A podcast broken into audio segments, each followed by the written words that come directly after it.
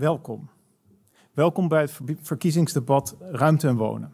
Um, samenwerking tussen het vakblad Ruimte en Wonen, Platform 31 en Hogeschool Utrecht. Uh, bij de tweejaarlijkse opleiding uh, Master of Urban and Area Development aan de Hogeschool uh, van Utrecht zijn de verkiezingsprogramma's geanalyseerd. En dat geeft aanleiding tot dit gesprek. want ruimtelijke ordening is terug van weg geweest. Nederland blijkt niet af. Um, er is zelfs een hoog, hoop achterstallig onderhoud en er is een grote verbouwing nodig. Maar wat is het plan? Hoe gaan we dat aanpakken? De komende twee uur tot vijf uur um, hebben we een brede vertegenwoordiging van de politieke partijen van Nederland hier aanwezig. Eminente experts op afstand. Um, maar eerst eventjes ter opening, uh, een paar woorden van opening. Op afstand weliswaar, uh, maar toch. Annemiek uh, Rijkenberg, hoofdredacteur van het vakblad Ruimte en Wonen. als het goed is ben jij online bij ons aanwezig. Kijk, daar ben je. Hartstikke goed. Welkom. Um, wil jij iets ter opening zeggen? Ik ben dus heel blij dat we eindelijk als vakgemeenschap in gesprek kunnen met politici. Want we, we, spreken heel vaak over hen en we benadrukken het belang van goed beleid en meer politieke aandacht voor ruimte en wonen. Uh, maar uh, ja, nu kunnen we een keer echt in gesprek. Wat mij betreft is dit ook niet de laatste keer. Dus niet alleen gekoppeld aan verkiezingen. Want ik denk dat we elkaar een hoop te melden hebben. Dus in ons blad, we proberen te schrijven over onderzoek, over pract met praktijkverhalen. En gericht op ja, wat is nu rechtvaardigheid in de volkshuisvesting en de ruimtelijke ordening? En hoe komen we tot een toekomstbestendige inrichting van de maatschappij? En dat zijn voor een deel politieke vragen, maar ook vakvragen. En ja, dus ik hoop dat we een heel uh, goed debat hebben. En ik wil nu alvast de studenten bedanken voor hun ontzettende inzet met het analyseren van de programma's en ook het organiseren van deze middag. En ik hoop dat we een hele goede middag gaan hebben. Dankjewel. Dankjewel Annemiek. Ik, het is eh, interessant dat, uh, dat er zo'n nieuw elan aan het ontstaan is. Uh, dat, dat doet jou waarschijnlijk erg goed. Ook in jouw ervaringen als oud-wethouder van de gemeente Utrecht. En alles wat daar is veranderd de afgelopen tijd. Ik ben benieuwd hoe dat de komende tijd gaat gebeuren. vanuit Utrecht ehm, en verbonden aan de Hogeschool Utrecht als onderzoeker bij het lectoraat Building Future Cities. Rien van Sticht. Ja. Goedemiddag. Voor jou ook een paar woorden ter introductie. Um, kan je misschien iets vertellen over de opleiding waar je verbonden bent en, en wat jullie hebben gedaan? Uh, ja, je noemde net de opleiding al, een tweejarige masteropleiding. Eigenlijk voor professionals die in en om gebiedsontwikkeling bezig zijn en die daar ehm, een wat meer master, op, op masterniveau een opleiding voor willen doen. Dus het is part-time. En in het tweede jaar van die opleiding doen studenten aan het eind hun afstudeeronderzoek.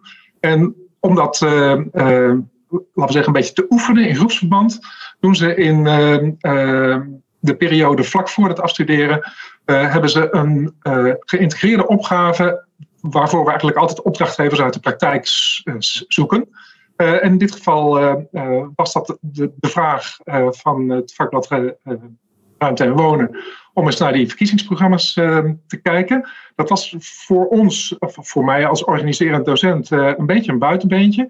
Maar het leek ons toch wel een erg leerzame opdracht. Dus we zijn daar graag in meegegaan. de vier studenten die dat gedaan hebben, die hebben van zichzelf geloof ik ook onlangs nog een foto gemaakt. Die jullie hopelijk nu in beeld krijgen. Dat zijn Rebecca van Nie, Renate Schulz, Patricia Kooi en Maurice Reining. En die hebben uh, voor deze opgave een uitgebreide inventarisatie gemaakt, eerst van de belangrijkste verkiezingsprogramma's. van zeg maar een negental partijen. Met betrekking tot het onderwerp, de onderwerpen ruimte en wonen. En die hebben ze aangevuld met interviews met fractiespecialisten. En dat geheel hebben ze weer geconfronteerd met de visies van experts, die vanaf, vandaag ook in het debat aanwezig zijn. Ehm, en daar hebben ze ontzettend veel van geleerd. En ik moet eerlijk zeggen, door het te begeleiden heb ik daar ook best veel van geleerd nog. Uh, ik had natuurlijk al die verkiezingsprogramma's ook nog niet gelezen. Um, bij wijze van toegift hebben de studenten nog meegedacht met het formuleren van de stellingen voor dit debat. En nou ja, namens de opleiding wil ik bij deze ook alle fractiespecialisten en de experts die meegewerkt hebben hartelijk bedanken voor voor hun inspanningen eh, daarbij. En ik wens eh, jullie allemaal een heel goed en verhelderend eh, debat. Goed, dankjewel.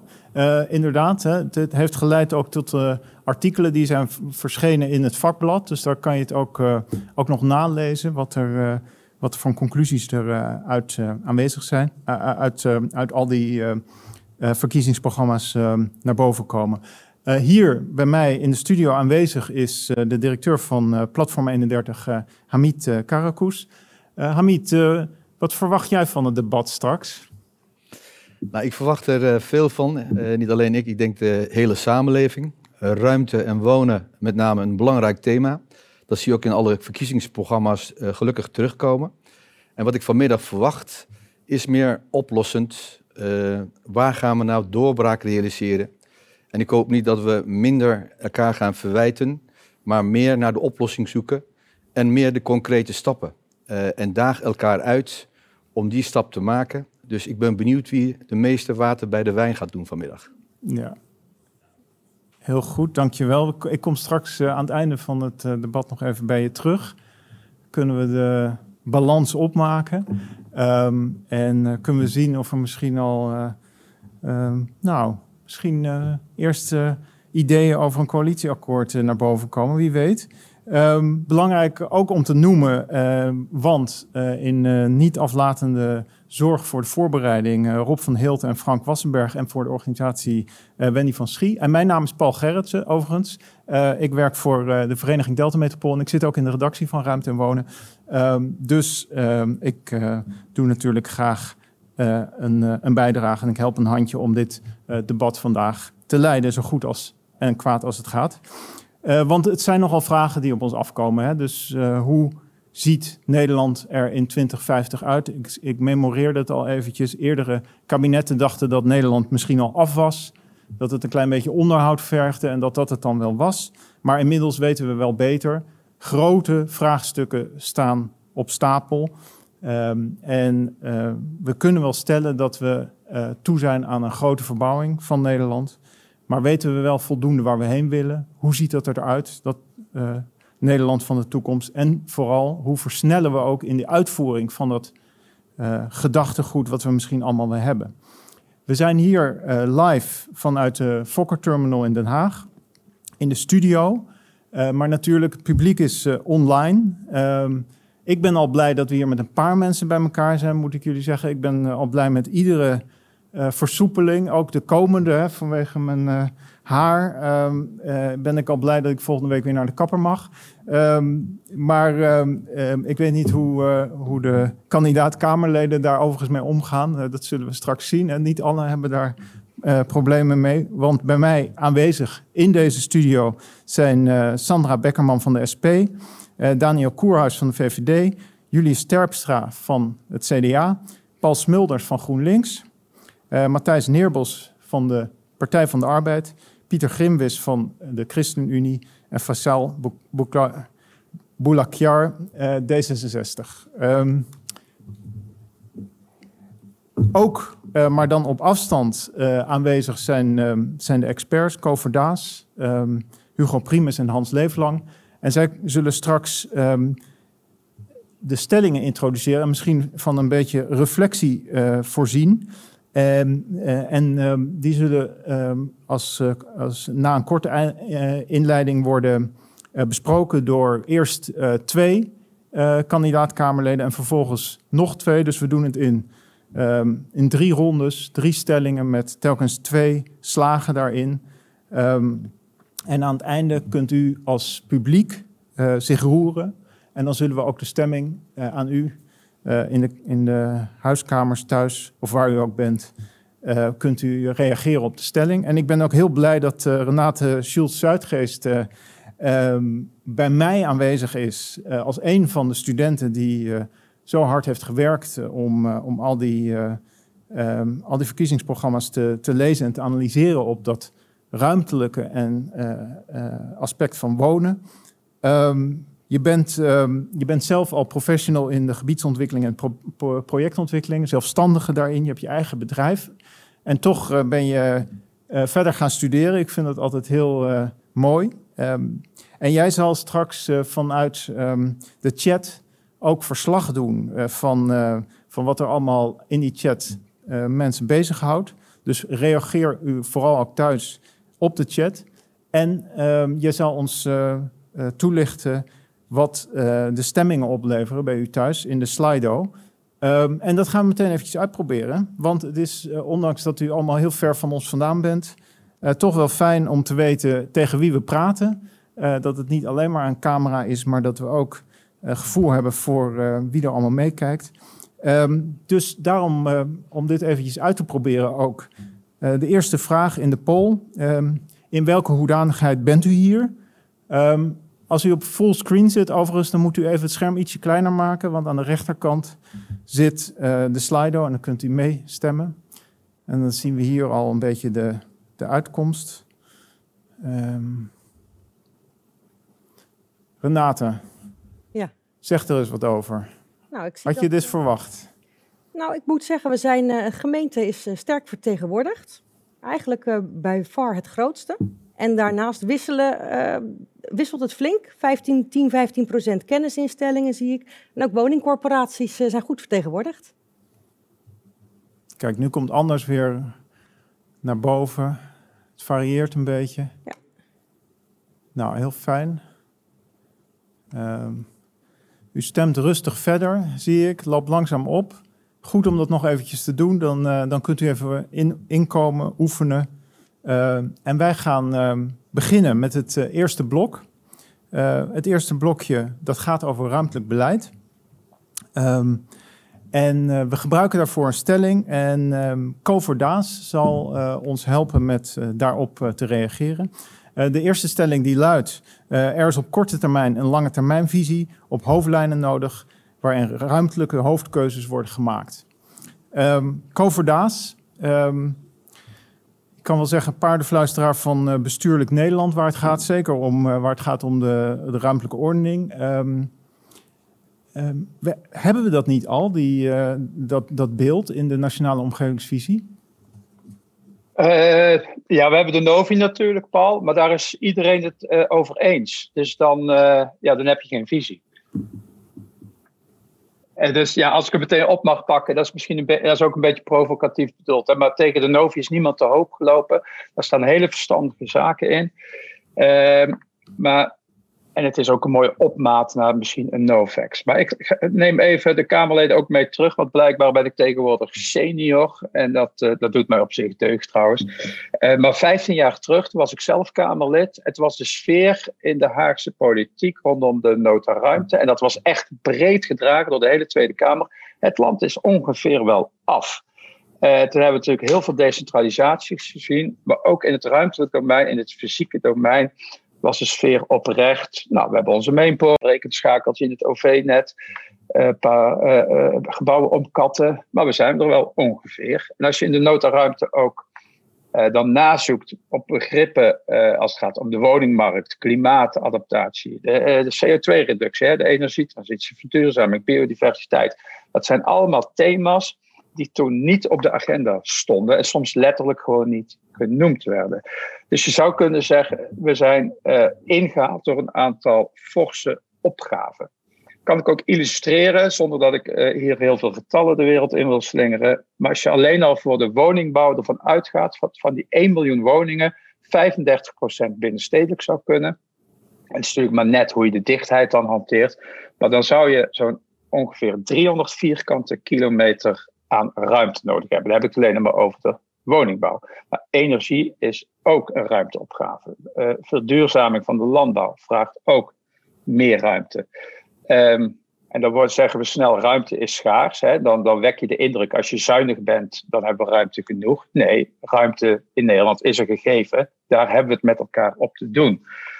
Um, en dat vergt dus politieke keuzes. En die politieke keuzes, die, uh, ja, die, die hebben natuurlijk de neiging om vooral incidentgedreven te zijn. Ik heb vorig jaar met mijn uh, compaan Friso de Zeeuw en Tom Dame eh, een boekje geschreven hè, eh, van Wild West en science fiction op zoek naar de juiste film.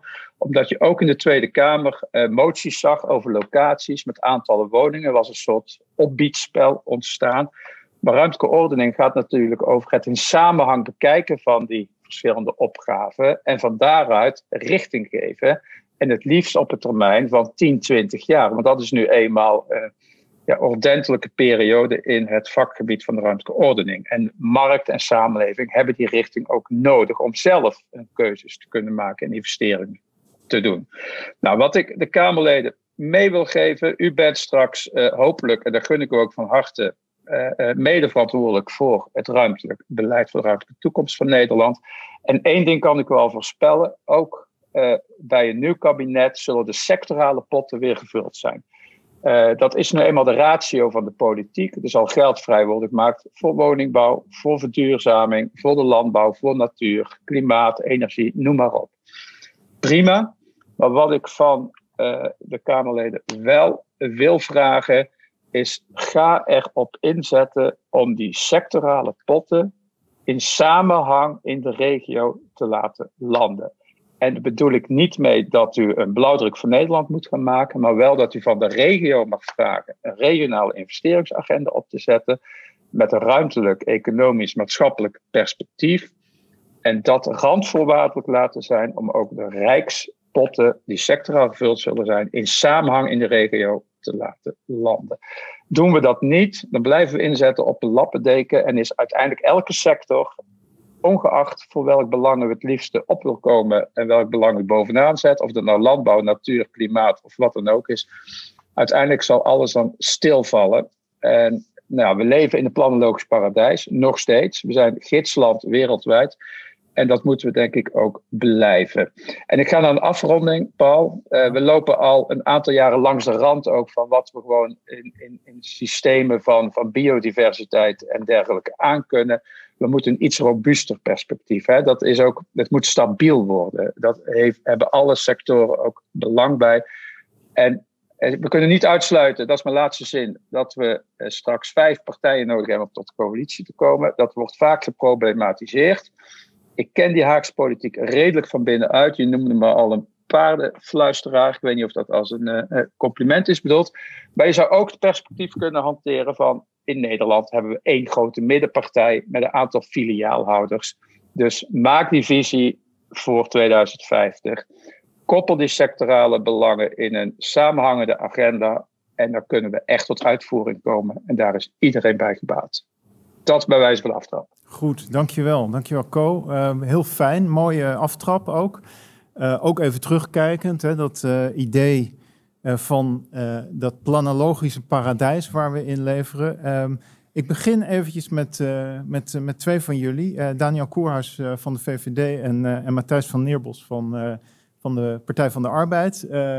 goed dat jullie hier aanwezig zijn. Um, Daniel, misschien toch eerst eventjes, hè, want we hebben het over visies. En in, ik weet niet of dat in, in veel gesprekken terugkomt, maar ehm, in de gesprekken die ik vaak heb, komt het toch wel vaak naar boven dat we uit een periode komen waar visie eigenlijk een beetje een vies woord was. En uh, we, we, kennen allemaal uh, hoe, uh, hoe premier Rutte dat typeerde.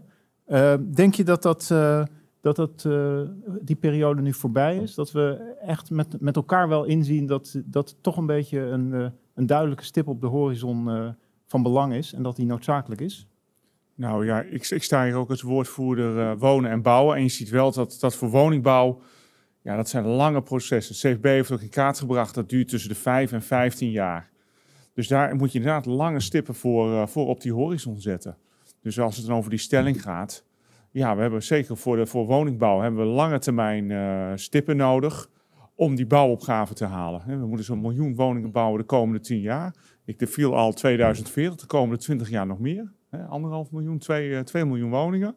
Daar heb je lange termijn stippen voor nodig op die horizon. Ja, en Co introduceerde het ook dat, de, dat er in de NOVI, de Nationale Omgevingsvisie, dat er veel in staat. We zijn het allemaal behoorlijk over eens.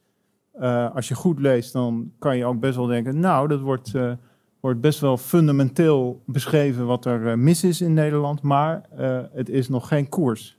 deel jij die blik? Nou ja, kijk, ik, ik sta hier als woordvoerder wonen en bouwen. En nou ja, wat, wat, ik, wat ik wel vind, is we hebben te weinig woningen geprogrammeerd in dit land. Dat moeten er veel meer worden.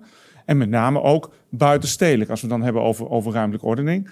Afgelopen jaren, zeker sinds de invoering van de ladder van duurzaam verstedelijking voor wonen, is, we richten ons wel heel erg veel op binnenstedelijk bouwen. Daar lossen we het woningtekort niet mee op. Daar moeten we wel mee doorgaan. Maar wil je echt, echt de oplossing hebben, dan moet je ook buitenstedelijk gaan bouwen. Hm. Heb je een idee hoeveel plannen er eigenlijk zijn voor dat? Uh, ja, dat, hebben we wel in kaart als, uh, als, als Tweede Kamer. Dus de VVD en CDA zijn er eigenlijk deze, deze Kamerperiode mee begonnen. Dat mhm. was eigenlijk onze eerste vraag aan de minister. Van breng nou in kaart hoeveel, hoeveel plannen zijn er in Nederland. Ik meen dat er iets van 800.000, 900.000 plannen zijn. Ja. Dat klinkt heel veel, maar het CPB zegt ook gemiddeld valt zo'n 30% uit. Ja. En uh, als je dan een miljoen moet bouwen de komende, de komende tien jaar ja, dan, dan, dan zijn er dus veel te weinig plannen. En eigenlijk moet je 15 tot 20 jaar vooruit plannen. Nou, dat zijn er helemaal veel te weinig plannen. En dat is te lang niet gebeurd. Je verengt het erg tot, uh, tot wonen. Ik ben, uh, ben benieuwd, Matthijs, hoe, uh, hoe jij daar tegenaan kijkt. Ko Verdaas die zegt ook duidelijk, er is een veel steviger fundament nodig. Ook als het gaat om andere dingen. Hij noemt specifiek de biodiversiteit. Ehm, en die staat er nogal belabberd voor in, in Nederland. hoe kijk jij daar, daarnaar? Nou, ik denk inderdaad dat je een uh, lange termijn visie nodig hebt en dat je ook keuzes moet durven maken. En uh, die keuzes, wat mij betreft, zijn we ook zuinig op het groen. Wat ben ik blij dat we in deze periode groen hebben om uh, naartoe te gaan op de dagen dat we naar buiten kunnen. Dus we moeten zuinig zijn op het groen. wat mij betreft zijn twee keuzes die ik alvast hier in de arena wil werpen. pak speculanten aan. Ze hebben in meer dan de helft van de gemeenten zijn nu grondspeculanten actief. Ze hebben 2300 hectare opgekocht. Dat zijn bijna 5000 voetbalvelden. Daarop kun je 100.000 woningen realiseren. En de tweede is, ja, de landbouwgrond, daar staat nu al 10 miljoen vierkante meter landbouwgrond staat leeg. Dus doe daar iets mee voordat we kijken naar dat kwetsbare groen en die kwetsbare natuur waar we allemaal ook heel blij mee zijn. Ja. En toch nog eventjes nog iets breder. Hè? De, de zeespiegel stijgt, de klimaatverandering is uh, uh, onafwendbaar. Hè? Dat, gaat echt, dat gaat iets betekenen voor uh, hoe Nederland ingericht gaat worden. Zijn er daar nog keuzes die daaruit voortkomen, wat jou betreft? En dan hebben we het echt over de lange termijn, maar die is misschien wel bepalend voor de investeringen die we nu doen. Maar daarin heb je denk ik een mix nodig van aanpassing. dat zie je nu al gebeuren, maar ook gewoon het tegengaan natuurlijk. En daar is een belangrijke keuze dat de vervuiler betaalt. Wat daar een gemiste kans, denk ik, is, is dat je nu bijvoorbeeld ziet dat er geen duurzame energieopwekking op industrieterreinen plaatsvindt, omdat in het klimaatakkoord de industrietafel daar niet over heeft gehad. Terwijl we hebben weinig ruimte met elkaar in Nederland. Zorg dan ook dat je duurzame energie opwekt op industrieterreinen. In plaats van ook weer in dat zeldzame groen dat we met elkaar hebben. Ja, ja. Um, toch nog even terug naar jou, Daniel. De, Coverdatie zegt het eigenlijk heel duidelijk in, in termen van de investeringen die ook noodzakelijk zijn. Hij zegt het, uh, het, uh, het vergt echt investeringen. En in Den Haag zijn die nou eenmaal sectoraal uh, verdeeld. Hoe kijk jij daarnaar? Hoe zorgen we nou dat die investeringen elkaar gaan versterken in plaats van wat je toch tegenwoordig nog heel veel ziet, elkaar een klein beetje aan het ontkennen zijn? In, nou, dat is een goed punt van de, van de heer Verdaas. En daarom als VVD willen we ook, ook een nationaal bouwfonds oprichten die zich juist daarop gaat richten. Want je, hey, ik begon met van we moeten veel meer woningen bouwen. En je ziet bij woningbouwprojecten de grootste knelpunten zijn eigenlijk vervoer en ook natuurcompensatie. En er moet natuur worden aangelegd als, wij, eh, als we woningen bouwen. Dat kost geld en dat willen wij, met name die twee dingen willen wij betalen uit dat, uh, uit dat bouwfonds. Maar wel hè, dat bouwen van die nieuwe wijken voorop zetten. Maar ja, dat nationale bouwfonds gebruiken voor ja, vervoersknelpunten en natuurknelpunten daaromheen. Dus echt, echt dat, dat, die overview nemen. De randvoorwaardelijke ja. kant van die woningbouw. Zijn er wat jou betreft ook nog in die zin, hè, we hadden net even over die klimaatverandering en, en wat voor effect dat heeft op Nederland. Zijn er wat jou betreft daar ook nog keuzes in te maken? Van waar, waar kan je nou beter wel ja, niet investeren? Ja, kijk, kijk de, de, de grootste CO2-winst, als, als, als VVD staat voorop dat we dat CO2-doel moeten halen in 2050. De grootste CO2-winst zit toch in, in de bestaande omgeving, in de bestaande bouw. En met name de lage energielabels. Als je die begint te isoleren, met isolatie bespaar je CO2. Daar kun je hele grote stappen mee maken om dat klimaatdoel, uh, klimaatdoel te bereiken. Uh, we hebben nu de nieuwe bang-eisen voor nieuwbouw. Die zijn ook goed. Heel lang over gedebatteerd als Kamer. Hè, dat we daar niet te veel gekkigheid in stoppen, maar die zijn goed. Wat je nog wel eens ziet, lokaal, dat gemeenten zeggen van... wij gaan nog verder. Da daar zit bijna geen klimaatwinst meer, maar dan heb je gemeentes die zeggen van, we gaan nul op de meter woningen bouwen. Ja, die zijn vele tienduizenden euro's duurder. Ja, en dat is jammer. Daar rem je heel erg nieuwbouw mee. En dat kan je veel beter stoppen in die bestaande bouw. Want dan haal je meer CO2-winst mee en dan rem je ook niet de nieuwbouw. Maar uiteindelijk moet je toch op die klimaatdoelstellingen van eh, Klopt, 2050 terechtkomen. Klopt. Hoe, hoe zie je dat dan? Is daar meer Nou, zeg nationale dat- regie nodig?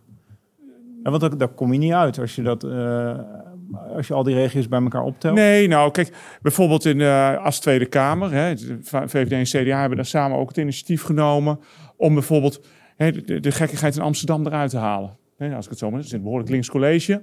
Die heeft een eh, behoorlijk eh, hoge ambitie. Zelfs zo erg dat nog geen enkel groot bouwplan de grond is gekomen door hoge duurzaamheidsambities. en daar hebben we van gezegd, dat, eh dat moeten we niet meer willen in Nederland. Gewoon één, één duurzaamheidsambitie. Dat is veel beter voor ja, bouwers en ontwikkelaars om, om aan de slag te gaan. Dan weten ze waar ze aan toe zijn. Ja, dan gaat het over bouwen, bouwen van woningen. Je hebt er al een aantal keer herhaald dat je daar Ja, vooral ik, ik van zeg ook bent. altijd bouwen, bouwen en bouwen. Maar, dit is toch wel, dit is toch wel Matthijs? kenmerkend voor de VVD, vind ik. Zijn er eh, woningen tekort, dan is het de schuld van statushouders. En wordt er te weinig gebouwd, dan is het de schuld van linkse colleges. En dit is de VVD die al tien jaar de grootste ziet. partij is. Dat is wel wat je ziet in Ik Amsterdam het- en Utrecht. Ik vind het toch Ja. teleurstellend. Het is altijd de schuld van de ander. En ondertussen komt u, godzijdank, langzaam tot het inzicht dat er een beetje regie vanuit het Rijk nodig is, zoals ook terecht wordt gezegd, om dit nou echt mogelijk te maken. Nee. En ik denk dat het ook helpt als de grootste partij van het land niet steeds de schuld aan een ander geeft als ze hun eigen ambities niet waarmaken. Nee, maar we komen van diep. We komen van diep. Hè. De, de, diep- de, de dieptepunt van de woningbouwproductie was rond 2012, 2013. Zo rond de 45.000. Dat hebben we toch nou ja, hè, met elkaar toch mooi omhoog gekregen. Naar zo'n 70, 75.000. Als je daar nog transformaties bij optelt, kom je op 80, 85.000 woningen. Het is nog niet genoeg. Hè? Er moeten meer transformaties bij. Er moeten flexwoningen moeten we meer gaan inzetten. Recreatiewoningen gaan herbestemmen. Dus het is niet allemaal kommer en kwel. Het gaat ook wel goed. Maar we komen van diep en we moeten nog verder. Maar goed, je, eh, terecht punt, denk ik. Hè. Ehm, nu is het eh, bouwen, bouwen, bouwen. En, eh, en eigenlijk ja, had je kunnen zeggen van dat wisten we 15 jaar geleden. Coverdaas die, die haalde het eigenlijk ook aan. Hè. Wisten we eigenlijk ook al dat we voor grote opgaven stonden. Die wisten we misschien nog allemaal niet zo goed te benoemen. Maar eh, als ik ook een beetje terugkijk in de geschiedenis in Nederland. eh, we bouwen altijd iets te weinig hè, per jaar, maar ook altijd behoorlijk constant. Dat moet ook gezegd worden. Behalve in perioden waarbij het echt eh, economisch heel slecht gaat. Of eh, in perioden eh, vlak na de oorlog hebben we echt een periode heel erg veel meer gebouwd. Tegelijkertijd zijn er ook de grootste ruimtelijke ongelukken gebeurd. Hè? Dat we dingen hebben gebouwd die we eigenlijk nu alweer aan het afbreken zijn. Ja, Dus hoe voorkomen we nou dat we het op een zorgvuldige manier voor elkaar krijgen? Ben ik wel die, overview bewaken, die overview bewaken. Misschien eerst Matthijs even, hoe zie jij dat? Nou, ik denk dus dat het heel belangrijk is dat het Rijk echt weer de regie neemt. Met een minister van Wonen die gewoon echt 100.000 eh, betaalbare woningen gaat realiseren. Maar ik denk ook dat we gemeenten en woningcorporaties echt weer in staat moeten stellen om een belangrijke taak te vervullen. En de VVD wou vier jaar geleden nog de verhuurderheffing verdrievoudigen. Dat is er gelukkig niet gelukt, maar dat was, dat was gewoon het einde geweest van de woningcorporaties. Nou, als je zoveel knelpunten ziet in het land, dan denk ik dat je op die manier er niet komt. En dat je dus eh, met bijvoorbeeld een planbatenheffing, zodat je die speculanten aan kunt pakken. Prins Bernhard belasting, zodat je huisjesmelkers kunt aanpakken. En veel meer publiek geld weer in de woningbouw steken. Want met alleen maar het aan de markt overlaten, kom je er sowieso niet. Ja, goed. Ik ben toch, Matthijs, nog wel even benieuwd. Van Daniel zegt er moet een bouwfonds komen. Er moet geïnvesteerd worden in vooral die dingen die voorwaardelijk zijn voor dat bouwen. Dus hij verengt eigenlijk de discussie een klein beetje. Hoe zie jij dat? We hebben het hier ook over ruimtelijke ordening. Dat is een veel breder begrip. Ehm, wat voor een type investeringen zie jij eh, voor je die noodzakelijk zijn? Maar ik vind het wel, het is toch wel weer een beetje typisch dat het bouwfonds vooral gaat naar wegen, lijkt het eh, te zijn. Zo herken ik de Vroom Vroom partij. Dat heb ik niet gezegd. Ik heb gezegd eh, vervoer en natuur. En vervoer is, is wegen, maar is ook OV. Meer wegen en minder natuur. Eh, wij zien dat bouwfonds anders. Nou, we ik denken dat je daar gewoon meer woningen mee moet realiseren. Ik zei meer natuur. Nee, je zei, het- Ik, nee, ik zei meer natuur. je zei dat Ik- natuur een knelpunt kan zijn. Een knelpunt voor woningbouw. Daarvoor willen we het Nationaal Bouwfonds gaan inzetten. Zodat we meer vervoer en meer natuur kunnen aanleggen. Op een andere plek dan. Nou ja, Goed. aan die ontwikkelaar daar. Ik, ik, ben, ik, ik denk dat we dit gesprek gewoon ietsje moeten verbreden. Hè, want het komt toch de hele tijd terug op die, op die woningbouw. Het eerste blokje zou gaan over die eh, ruimtelijke ordening. Die brede blik. Hè, die visie voor die toekomst van Nederland. Hoe ziet die eruit? Hè, dus ik eh, ben toch wel benieuwd. Paul, eh, Paul Smulder, GroenLinks. Eh, ik zag jou al even knikken. Ehm, hoe kijk jij eh, naar deze discussie die je zo hoort? Heb jij het gevoel, eh, dit, is, eh, dit moet echt anders? Het moet zeker anders. We staan als maatschappij, als samenleving voor een aantal heel grote opgaven. Klimaatverandering is in mijn ogen de grootste. Het gaat ook ongelooflijke ruimte, ruimtelijke impact hebben. De energietransitie die daarmee samenhangt, de klimaatadaptatie. We weten allemaal dat we naar een heel ander landbouwsysteem moeten, met veel minder dieren en veel meer grondgebonden, biologisch. Eh, en dan hebben we nog de opgave om onze natuur te redden. Eh, want op dit moment is de natuur in Nederland echt super slecht aan toe. En zijn we eigenlijk het slechtste jongetje van Europa. Onder meer door al die stikstofuitstoot eh, vanuit de landbouw. En als je dat allemaal weet, en je weet ook dat volgens mij alle partijen van links tot rechts het erover eens zijn dat er 1 miljoen woningen gebouwd moeten worden, dan is er weer heel veel behoefte aan rijksregie. En dat is in mijn ogen de afgelopen jaren misgegaan. Het Rijk heeft gedacht, nou, we gooien alles over de schutting naar gemeentes en provincies en die zoeken het maar uit. Maar we geven ze niet de middelen of de instrumenten om het te doen. En, nou, het is net ook aangegeven, er is heel erg gedacht, projectontwikkelaars, de markt gaat het wel oplossen en eh, het komt helemaal goed. Volgens mij is gebleken dat dat niet zo is en moet dus de Rijksoverheid weer veel meer regie nemen en moet er een minister van Vrom komen, zoals vroeger al was. volkshuisvesting, ruimtelijke ordening en milieu bij elkaar in één departement. Ja, ik denk dat het een historische vergissing is dat dat ooit is afgeschaft.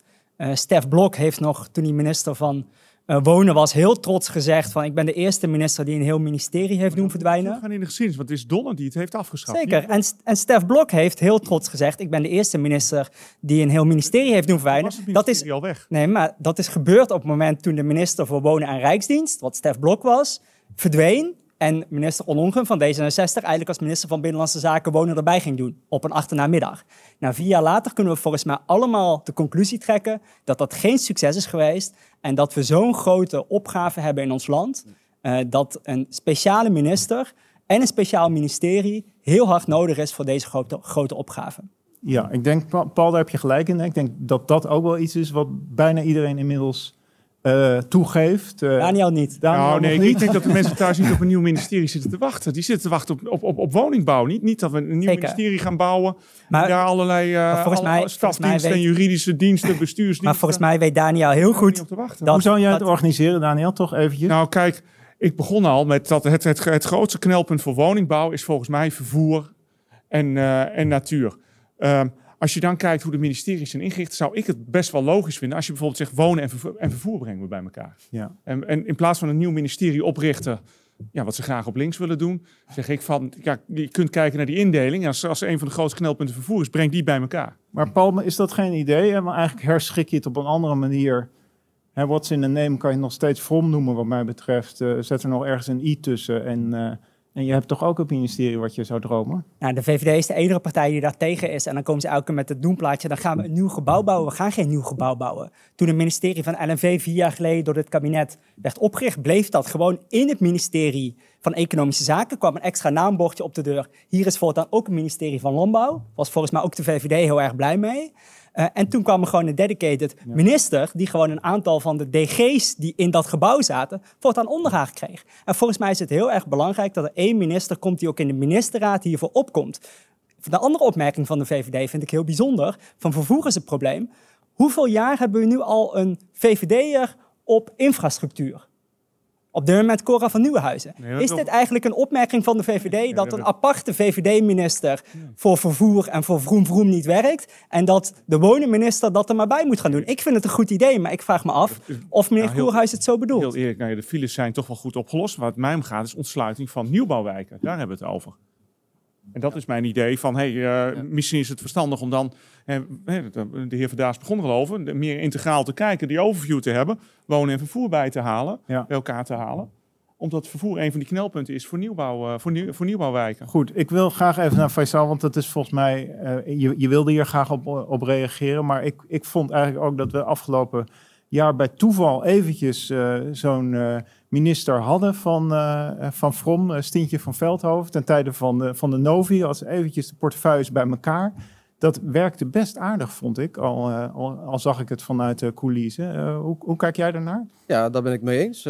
dank voor het compliment richting D66. Maar ik was even weer aan het genieten van de strijd tussen VVD en GroenLinks. Ze zoeken elkaar vaak op. Ik wil even terug naar de stelling van de heer Verdaas, die zegt we hebben hele grote uitdagingen voor de komende uh, jaren. We hebben, ja, we willen een miljoen woningen bouwen. Dat willen we allemaal in tien jaar. Maar je zult ook veel verder moeten kijken. Hè? Uh, als, politici moeten we ook veel verder kijken. En dan zullen ook de uitdagingen, uh, als het gaat om bijvoorbeeld een ministerie. Ja, je kunt niet zeggen, wij zijn minister en vervolgens na drie jaar stopt hij ermee. Dus je moet, ja, zo'n minister moet vanaf dag één aan de slag. Maar vervolgens ook werken aan een lange termijnvisie en de boel verbinden en aanjagen. En op lange termijn zul je ook een beslissing moeten nemen. Zeker als het gaat om dat ruimtelijke debat, of dat ruimtelijke, uh, die ambities. Ja, uh, we hebben nu stikstof uh, tijdelijk gerepareerd, maar dat komt een keer terug. Dus wij zeggen als D66, dat is wat eigenlijk wa waar wij van verschillen met andere partijen, dat we op een gegeven moment nu heel duidelijk zeggen, je moet met die veestapel aan de slag. Ja. Je moet ruimte creëren. Willen we een miljoen woningen bouwen? Willen we twee miljoen woningen bouwen? En dan zullen we uiteindelijk toch daar ook heldere keuzes in moeten maken. En die keuzes, die als het gaat over energietransitie, het gaat over uh, landbouw, ja, daar zal zo'n minister met slagkracht en daadkracht uh, mee aan de slag moeten, absoluut. Ja, dus jij zegt eigenlijk het is veel breder. Hè? Dat zien we al aan het stikstofdossier. Stikstof uh, is misschien wat dat betreft ook een beetje een kanarie in de kolenmijn, hè? want we zijn misschien ja, daarom benoem ik hem ook maar hier. afhankelijkheden die we misschien nog niet eens zo sterk doorhebben als het gaat om die klimaatverandering. Dat zijn we nog aan het begin van de grote verandering die we te zien gaan krijgen. Toch nog eventjes die vraag over hoe we dit organiseren. Ik zag ook dat die vraag langskwam uh, in de chat. de vraag is natuurlijk, we hebben gedecentraliseerd het ruimtelijk beleid. Dat ligt allemaal bij de lokale partijen. En nu zien we toch, hoe je het ook went of keer, bij iedereen wel een beetje het gevoel van, nou, dat is een beetje doorgeschoten. Ja. Ja. Uit deze 60 beeld, hoe, hoe zou je dat op een goede manier uh, op moeten pakken? Ja, ik denk, hè, we zijn het allemaal over eens dat er meer rijksregie uh, moet komen. Dus uh, zo'n minister moet niet met dictaten gaan regeren vanuit, vanuit Den Haag en volgens lokale democratieën uitschakelen, zoals bijvoorbeeld VVD, maar ook het CDA wil. Hè, aanwijzen, kost wat kost, ergens in een weiland bouwen en vervolgens zeggen, kijk, we hebben ons succes binnengehaald. Je moet vooral, je moet vooral, ik maak hem even af, je moet vooral kijken waar de energie zit en daar als minister bij aanschuiven. Als ik bijvoorbeeld uh, mijn, uh, een voorbeeld mag noemen uit mijn provincie Brabant, waarbij een aantal gemeenten in West-Brabant zeggen: hey, wij willen uh, meehelpen om die uitdaging van een miljoen woningen te helpen realiseren. Wij hebben de plannen liggen, bij ons is draagvlak, kom hier. Dan moet je als minister dat faciliteren met middelen, met mogelijkheden. En niet lokale democratieën kosten wat kost uitschakelen en zeggen: gij zult hier 25.000 woningen neerpleppen. Toevallig, omdat die uh, gronden in bezit zijn van projectontwikkelaars. Nee, je moet kijken waar liggen de kansen, waar liggen slimme mobiliteitsoplossingen en volgens daar gaan zitten als overheid. En dat is volgens mij wat zo'n minister uh, moet gaan doen en niet uh, als een.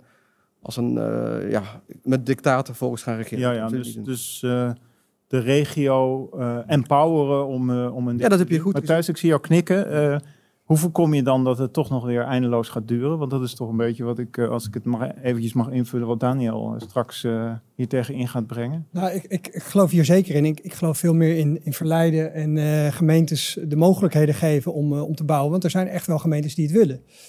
Ik geloof dus heel erg in een harde aanpak van speculanten. Ik noemde dat getal al. 5000 voetbalvelden in Nederland die de afgelopen jaren door speculanten zijn opgekocht. En gemeentes zitten daardoor vaak klem.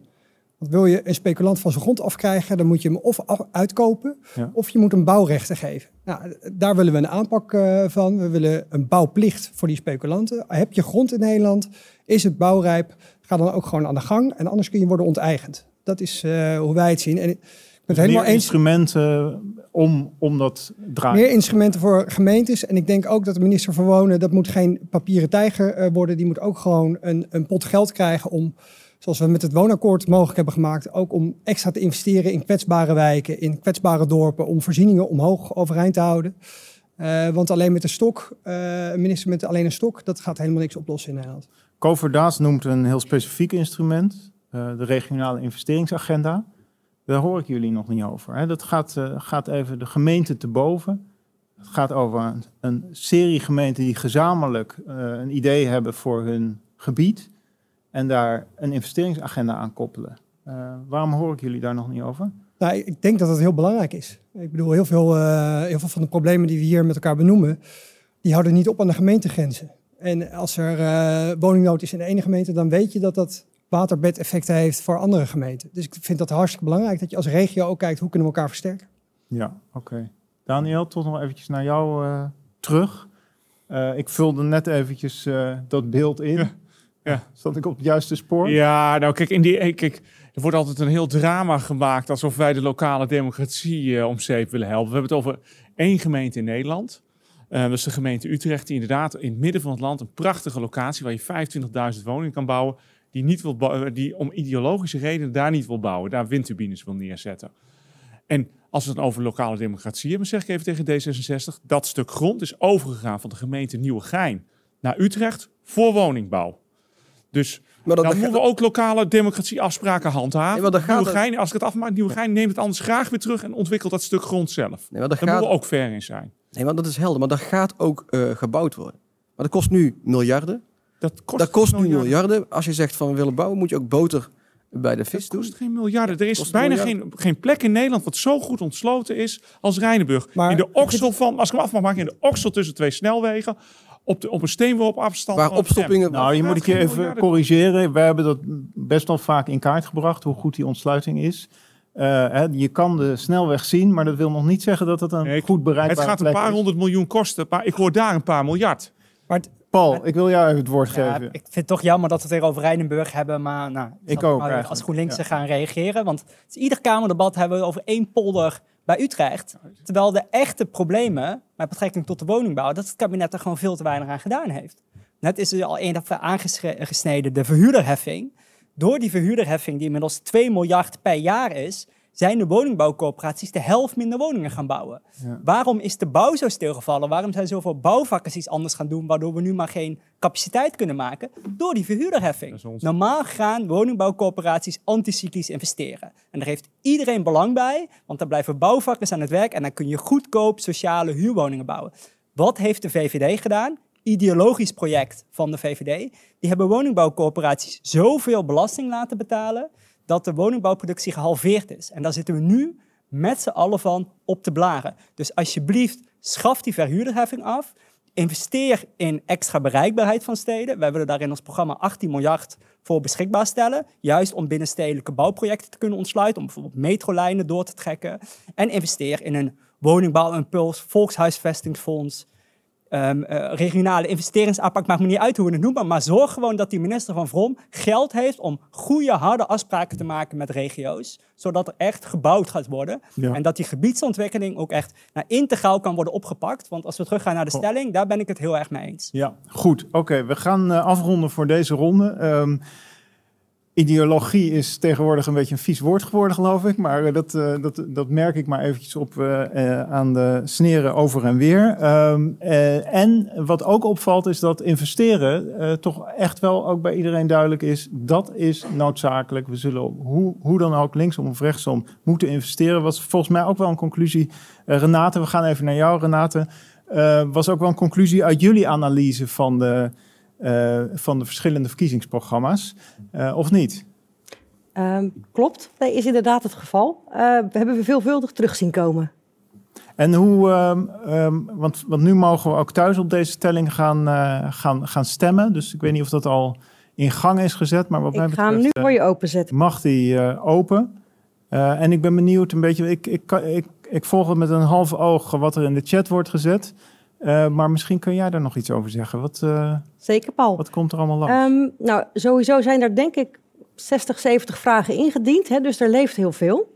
Eh, een aantal onderwerpen die veel voorbij komen gaat toch over regievoering. Aan de ene kant ehm, hè, op rijks, provinciaal of juist gemeentelijk niveau. En hoe dat dan ook werkelijk uit te voeren. Ehm, de discussie over een nieuw minister of nieuw ministerie is een hot topic. Er worden vooral opmerkingen over gemaakt. Ehm, minder ruimtelijk breed, maar wel wonen leeft enorm. De zorg om de eh, capaciteit, om ook werkelijk 1 miljoen woningen te bouwen, die zorg wordt gedeeld, wordt ook daar gevraagd. Er wordt gevraagd om een lange termijnvisie eh, op zorg en wonen, en met name op eh, de medioren en senioren medemens. Ehm, nummer 1, verhuurdersheffing, is denk ik het meest genoemde woord in, in de chat. Ehm, en er wordt ook een aantal keer gezegd, er wordt gesproken over kwaliteit of over kwantiteit. Uh, maar vergeet niet te spreken over kwaliteit hè, als we 1 miljoen woningen gaan bouwen.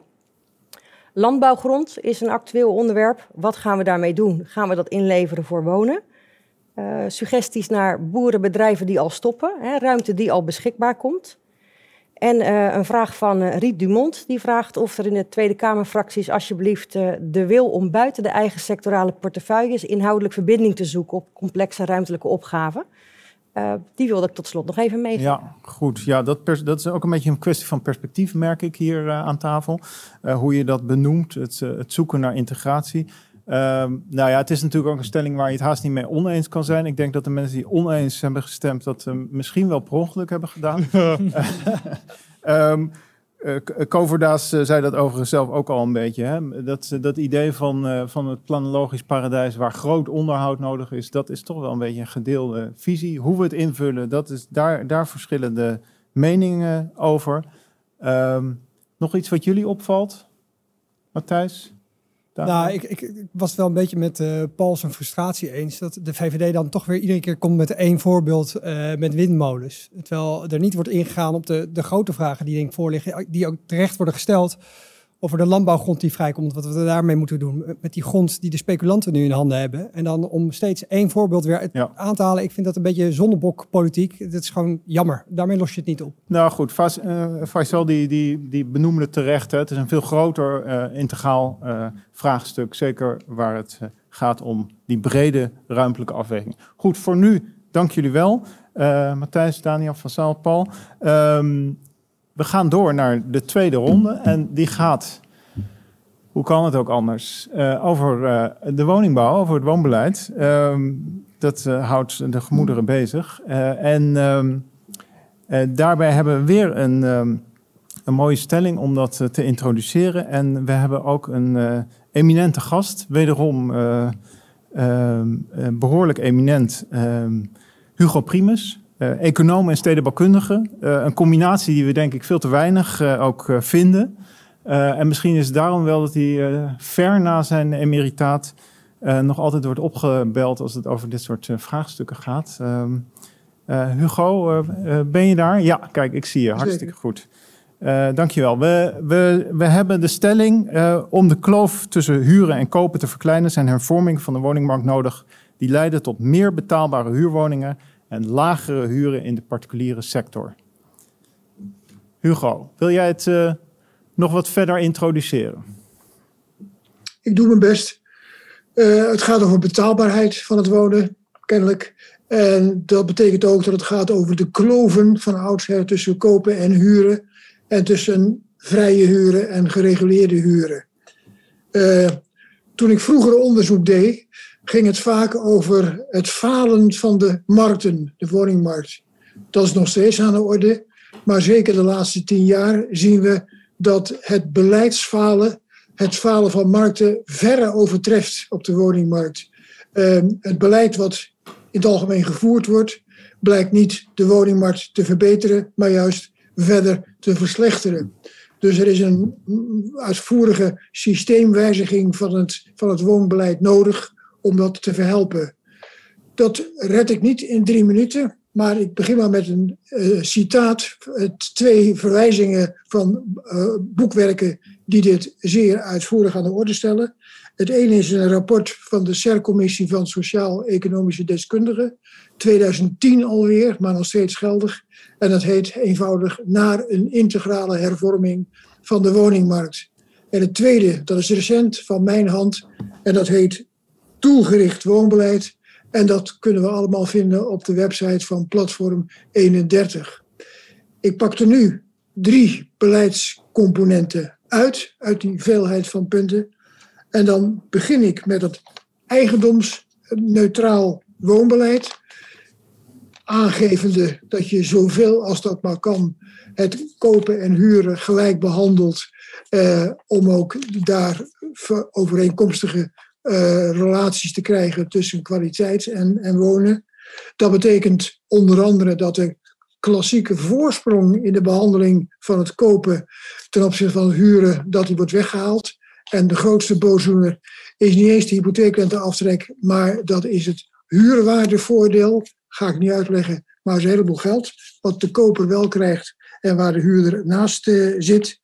Um, en het uitgangspunt is dat je, als de, de, rente een beetje fatsoenlijk blijft, dat je stapje voor stapje uh, alle subsidies en fiscale steun wegwerkt in de diverse sectoren.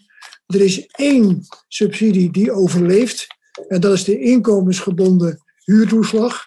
Want die zorgt ervoor dat de EU-doelgroep van beleid, op het ogenblik 40 à 45 procent van alle huishoudens, dat die betaalbaar kunnen wonen. En daarmee wordt een belangrijk uitgangspunt van de grondwet gerealiseerd. Dus het is geen, dat is niet kinderachtig. Tweede punt wat ik eruit licht, dat is al aangestipt door, door uh, eerdere uh, sprekers. De verhuurderheffing, inderdaad, gaat over 2 miljard euro voor corporaties op jaarbasis. En mede dankzij die verhuurderheffing is vastgesteld dat de corporaties volstrekt onvoldoende vermogen hebben om hun maatschappelijke taken op het punt van nieuwbouw, op het punt van energietransitie te realiseren. Dus wat er moet gebeuren is compleet en onmiddellijk afschaffen van de verhuurderheffing eh, en zorgen dat dat eh, achter ons ligt. Die verhuurderheffing, nogmaals, dat kost de corporaties 2 miljard per jaar. De staatssteun die de corporaties genieten, is een derde daarvan, ongeveer 700 miljoen per jaar.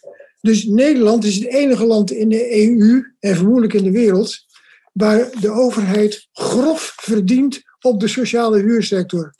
Bovendien, als we de woningwet lezen, en dat doen we natuurlijk dagelijks, dan weten wij dat eh, de corporaties die mogen wat geld overhouden, maar die moeten die overschotten uitsluitend in het belang van de volkshuisvesting eh, spenderen. Nou, dat, dat, daar voldoet dus de verhuurderheffing niet aan.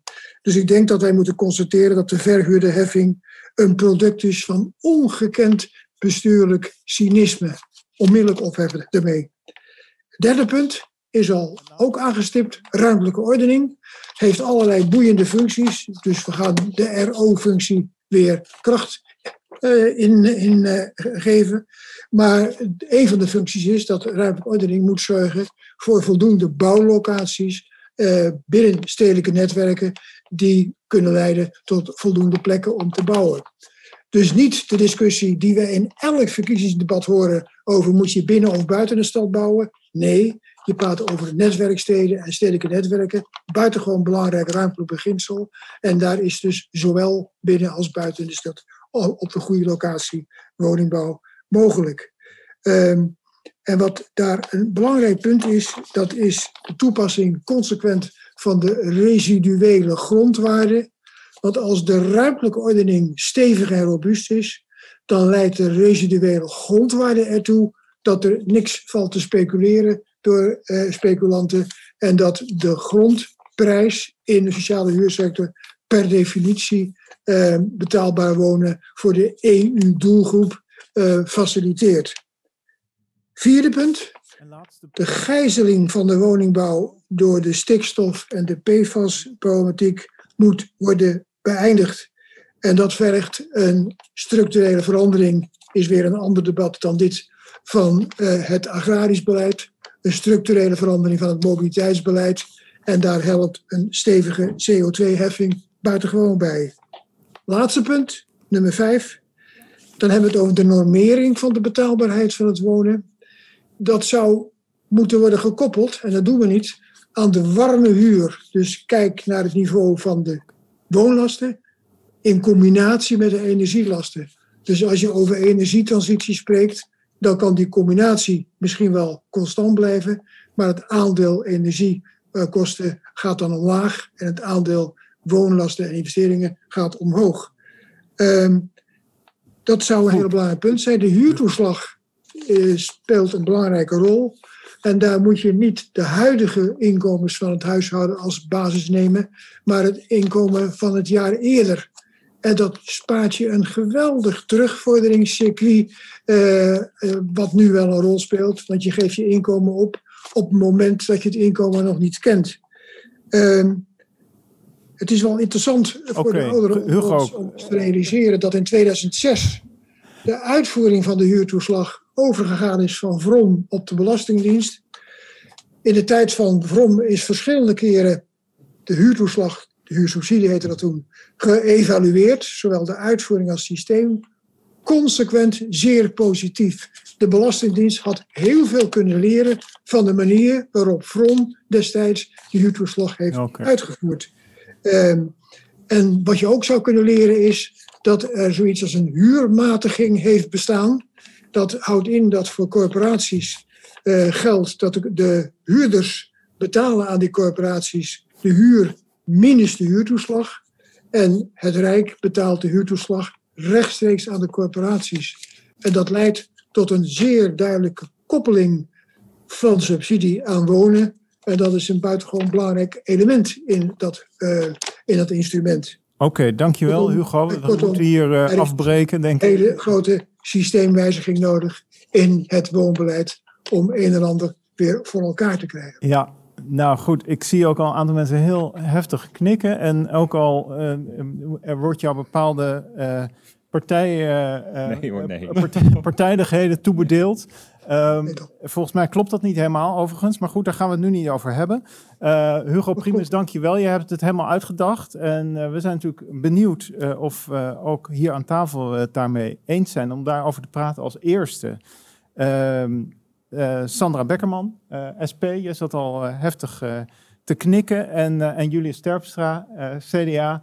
Ehm, nou, laten we, laten we eens eventjes beginnen met, eh, met wat eh, Hugo Primus zei. Sandra, jij, jij was het daar eigenlijk wel mee eens met al die punten die hij opnoemde. Vijf punten had hij, geloof ik. Jij, jij had bij el- elk daarvan zoiets van, nou, Ja. ligt, eh, ligt eh, duidelijk voor. Absoluut, was me uit het hart gegrepen. En ook wel eh, ja, een heel interessant eh, betoog. Het ik werd hier wat zenuwachtig omdat het wat langer duurde. Maar voor mij had het nog wel langer door mogen gaan. Ik denk dat het ook ja, goed is om naar de wetenschap te luisteren in dit debat. Mooi Ja. verhaal. Heel goed. En als jij nou toch ietsje moet prioriteren in wat, wat Hugo Primus allemaal zei, wat is dan wat jou betreft het belangrijkste wat hij, wat hij noemde? Wat is nou die sleutel om, om dat woonbeleid een, eh, een andere basis te geven? Ja, kijk, ehm, professor Primus pleit natuurlijk gewoon voor een radicaal andere aanpak. Dat is ook een andere aanpak dan, eh, tenminste daar ben ik het volledig mee eens. Ik denk dat dat noodzakelijk is. Ehm, maar heel veel huurders hebben eh, natuurlijk het vandaag al nodig. Ehm, kunnen niet wachten totdat het helemaal uitontwikkeld is. Dus ik denk dat we tegelijkertijd op de korte termijn eh, stappen moeten zetten en moeten toewerken eh, naar het andere stelsel wat eh, professor Primus betoogde. En op de korte termijn zien we gewoon dat heel veel huurders financieel klem zitten. Ik ben er trots op dat het ons gelukt is om de huren in de sociale sector voor komend jaar te bevriezen. Maar ik weet tegelijkertijd ook dat dat voor heel veel huurders lang niet genoeg is. Zowel in de sociale als in de vrije sector eh, zien we dat heel veel mensen eh, klem zitten. Nibud eh, zei het al voor de coronacrisis. De helft van de huurders moeite met rondkomen. Ehm, een kwart van de huurders zo ver knel dat ze te weinig geld houden, overhouden voor noodzakelijk levensonderhoud. Ehm, dus ik denk, ja, die wooncrisis ehm, is geen natuurramp, maar het gevolg van verkeerde politieke keuzes. We zijn heel erg geneigd om bij de wooncrisis vooral te praten over kwantiteit, hoeveelheid. Eh, maar we vergeten heel vaak ja, de betaalbaarheid, ehm, de kwaliteit, maar ook de zeggenschap eh, voor huurders die voor eh, ons heel hard nodig is. Ja, veel punten van Hugo Primus die gingen over die betaalbaarheid. Eh Julius, hoe kijk jij daarnaar? Naar, naar, naar wat hij te berde bracht? Want in de vorige ronde hè, moesten we het eigenlijk hebben over het ruimtelijk beleid. Ging het eigenlijk toch voornamelijk over wonen. Ehm, maar dat, dat, dat speelt blijkbaar ehm, heel erg eh, hoog op op dit moment. Eh, Hugo Primus noemde eh, ook de ruimtelijke ordening als belangrijke component in, eh, in, in, de, in het woonbeleid. Hoe, hoe kijk je daarnaar? Zeker. Nou, het, was, het was jammer dat in het debat hiervoor inderdaad... maar dat is ook wel weer logisch, omdat die, die, die woningnood is zo groot en zo urgent... En, en knelt zo hard dat het heel logisch is dat het al heel Waar, snel waar, waar, waar zie jij dat aan? Dat die zo knelt en, en zo hoog is? Nou, bijvoorbeeld naar, naar een zoektocht naar, eh, mijn eigen zoektocht naar een betaalbare woning. Eh, ik heb ook eh, nou, bijna drie jaar zelf gezocht naar, naar een woning. Ik zie dat om mij heen. Vrienden, ik ben rond de 30, die, die ja, beginnen met een eerste of tweede baan bezig zijn. Op zoek zijn naar een betaalbare of huurwoning of koopwoning. En dat het gewoon bijna onmogelijk is. Ja. Ja, dus ik snap ook wel, en we hebben de discussie in de Kamer gehad over de Novi. Daar hebben wij als CDA een commotie over ingediend om die woningbouw absoluut de topprioriteit te maken. Want het probleem met die Novi is een beetje dat alles wordt aangeduid als super urgent en belangrijk. Dat is het ook wel, maar het gevaar is dan dat als je alles benoemt, dat er niks belangrijk wordt ge- gevonden. Dus ik snap wel dat het vorige debat over woningbouw ging. ja. Ja, maar het is misschien ook een gevolg van heel lang geen ruimtelijk beleid. Hè? Dat je dus de, de opgaven stapelen zich letterlijk op. Hè? Je ziet het ook aan, het, aan de ingrepen die we soms eh, noodgedwongen moeten nemen. Terwijl we het eigenlijk hadden kunnen voorkomen als we ietsje verder vooruit waren gaan kijken. Eh, toch eventjes, ik ben net iets ouder. Eh, dat zei ik al aan het begin. Hè. Eh, ik ben rond de 50 en wat ik zie bij mij in de omgeving is dat mensen tweede huizen gaan kopen om die te kunnen verhuren. Is, is dat niet een groot onderdeel van het probleem? Nou, ik vind wel dat je excessen moet aanpakken, ja. Dus als, ehm, eh, als er verhuurders zijn of huisjesmelkers met grote aantallen woningen die huren vragen eh, van 15, 1600 euro, en dat gebeurt met name in die steden, dan moeten we daar eh, wat tegen doen. Dus ik ben gericht voor een opkoopbescherming, gericht voor een zelfbewoningsplicht, om dit soort excessen te voorkomen.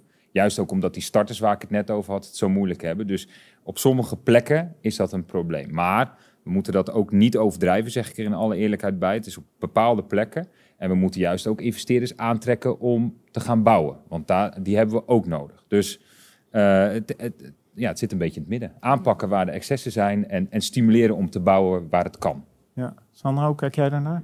Ja, anders. Ehm, toen ik in 2017 eh, in de Tweede Kamer kwam, eh, stelden we hier meteen vragen over aan de minister. Hè, wij zagen eh, het opkomen van ehm buy-to-let, de kleine beleggers die een extra woning kopen. En we vroegen aan de minister, eh, ziet u dit ook?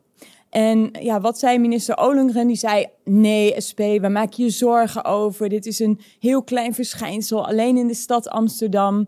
Ehm, terwijl we gewoon zien dat de wooncrisis er echt voor een grotere tweedeling zorgt. Dus er zijn mensen die daar gigantisch van kunnen profiteren. eh, en er zijn mensen die gigantisch in de knel komen. Nou, en minister Olengren in 2017 zei... SP, eh, overdrijf niet zo, is geen probleem. Wij zijn dat toen zelf, hebben we ehm, eh, onderzoekers de opdracht gegeven... ja, zoek dat eens voor ons uit, wie heeft er nou gelijk? En die zeiden, ja, dit is wel degelijk een probleem. Ehm, en ehm, nou ja, we lopen eigenlijk pas nu, drie jaar later, dat dat mondjesmaat wordt toegegeven. Terwijl inmiddels het kadaster zegt dat vorig jaar in de grote steden 40% van de woning aankopen eh, ging niet naar starters, ging niet naar mensen die er zelf wilden wonen, maar ging eh, naar kleinere en grotere beleggers. Het is een gigantisch eh, probleem aan het worden. En op deze manier ehm, zien we dat de woningprijzen stijgen, zien we dat eh, mensen die een betaalbare woning zoeken gewoon achter het net vissen. Zowel als ze willen kopen als als ze willen huren. Want dat is ook nog een probleem. Heel veel jonge koopstarters, ehm, die komen er niet tussen. Die willen dan kopen, die komen er niet tussen. Zijn dus aangewezen op de vrije sector. Krijgen daar dan ja, tijdelijk contract op tijdelijk contract. En die zijn dus gemiddeld meer dan 1000 euro per maand kwijt. En we lopen gewoon echt achter de feiten aan. eh, als we daar nu mondjesmaat een heel klein beetje aan gaan doen. Want deze Ja. groep, en er zijn veel meer groepen, maar die zitten echt ongelooflijk knel. Klem, ja. Ehm Julius geeft tegelijkertijd ook aan, je moet oppassen dat je investeerders niet afschrikt, want die heb je ook nodig om die investeringen te doen. Zeker op die plekken waar het zo lastig is. Hè. Hoe, eh, hoe vul jij dat dan in? Hè? Want dat, natuurlijk 15, 10 jaar geleden, 10, 15 jaar geleden Hm. was die, die middenhuur, die was er eigenlijk amper in Nederland. Nee, hè. dat vind ik, vind ik ook, dat was ook wel toen ik in de Kamer kwam, ook wel een zoektocht voor mij. Hè, van je ziet dat er een wooncrisis ontstaat. Wat is nou het alternatief? Ik ben daar echt heel erg bewust naar op zoek gegaan. Wat ik zelf bijvoorbeeld een heel mooi voorbeeld vind, eh, is Wenen. Eh, daar mag je, eh, ook met een hoger middeninkomen, echt de topinkomens zijn uitgezonderd, maar verder eh, mag iedereen in een sociale huurwoning wonen. En dat is echt heel erg mooi om te zien. Nieuwbouwwijken waar fantastische, duurzame, groene woningen worden gebouwd met fantastische voorzieningen. En die zijn er voor de lage en voor de middeninkomens.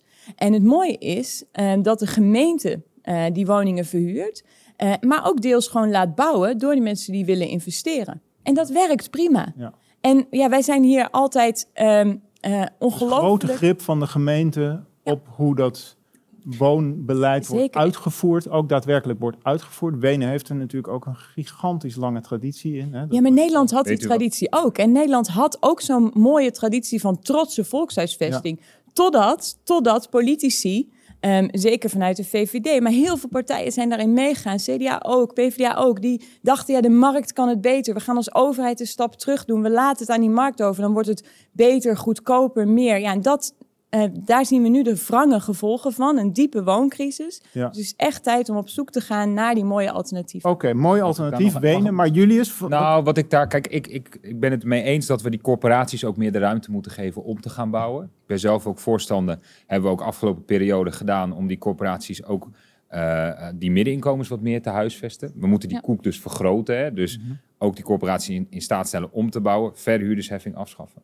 Alleen eh, wat mevrouw Beckerman, wat ik haar hoor zeggen, en dat is wel waar ik voor wil waken, hetzelfde heeft de Partij van de Arbeid, die willen graag eh, alles de sociale huur in. Hè? Ik heb niks tegen sociale huur. Nou ja, 40% sociale huur.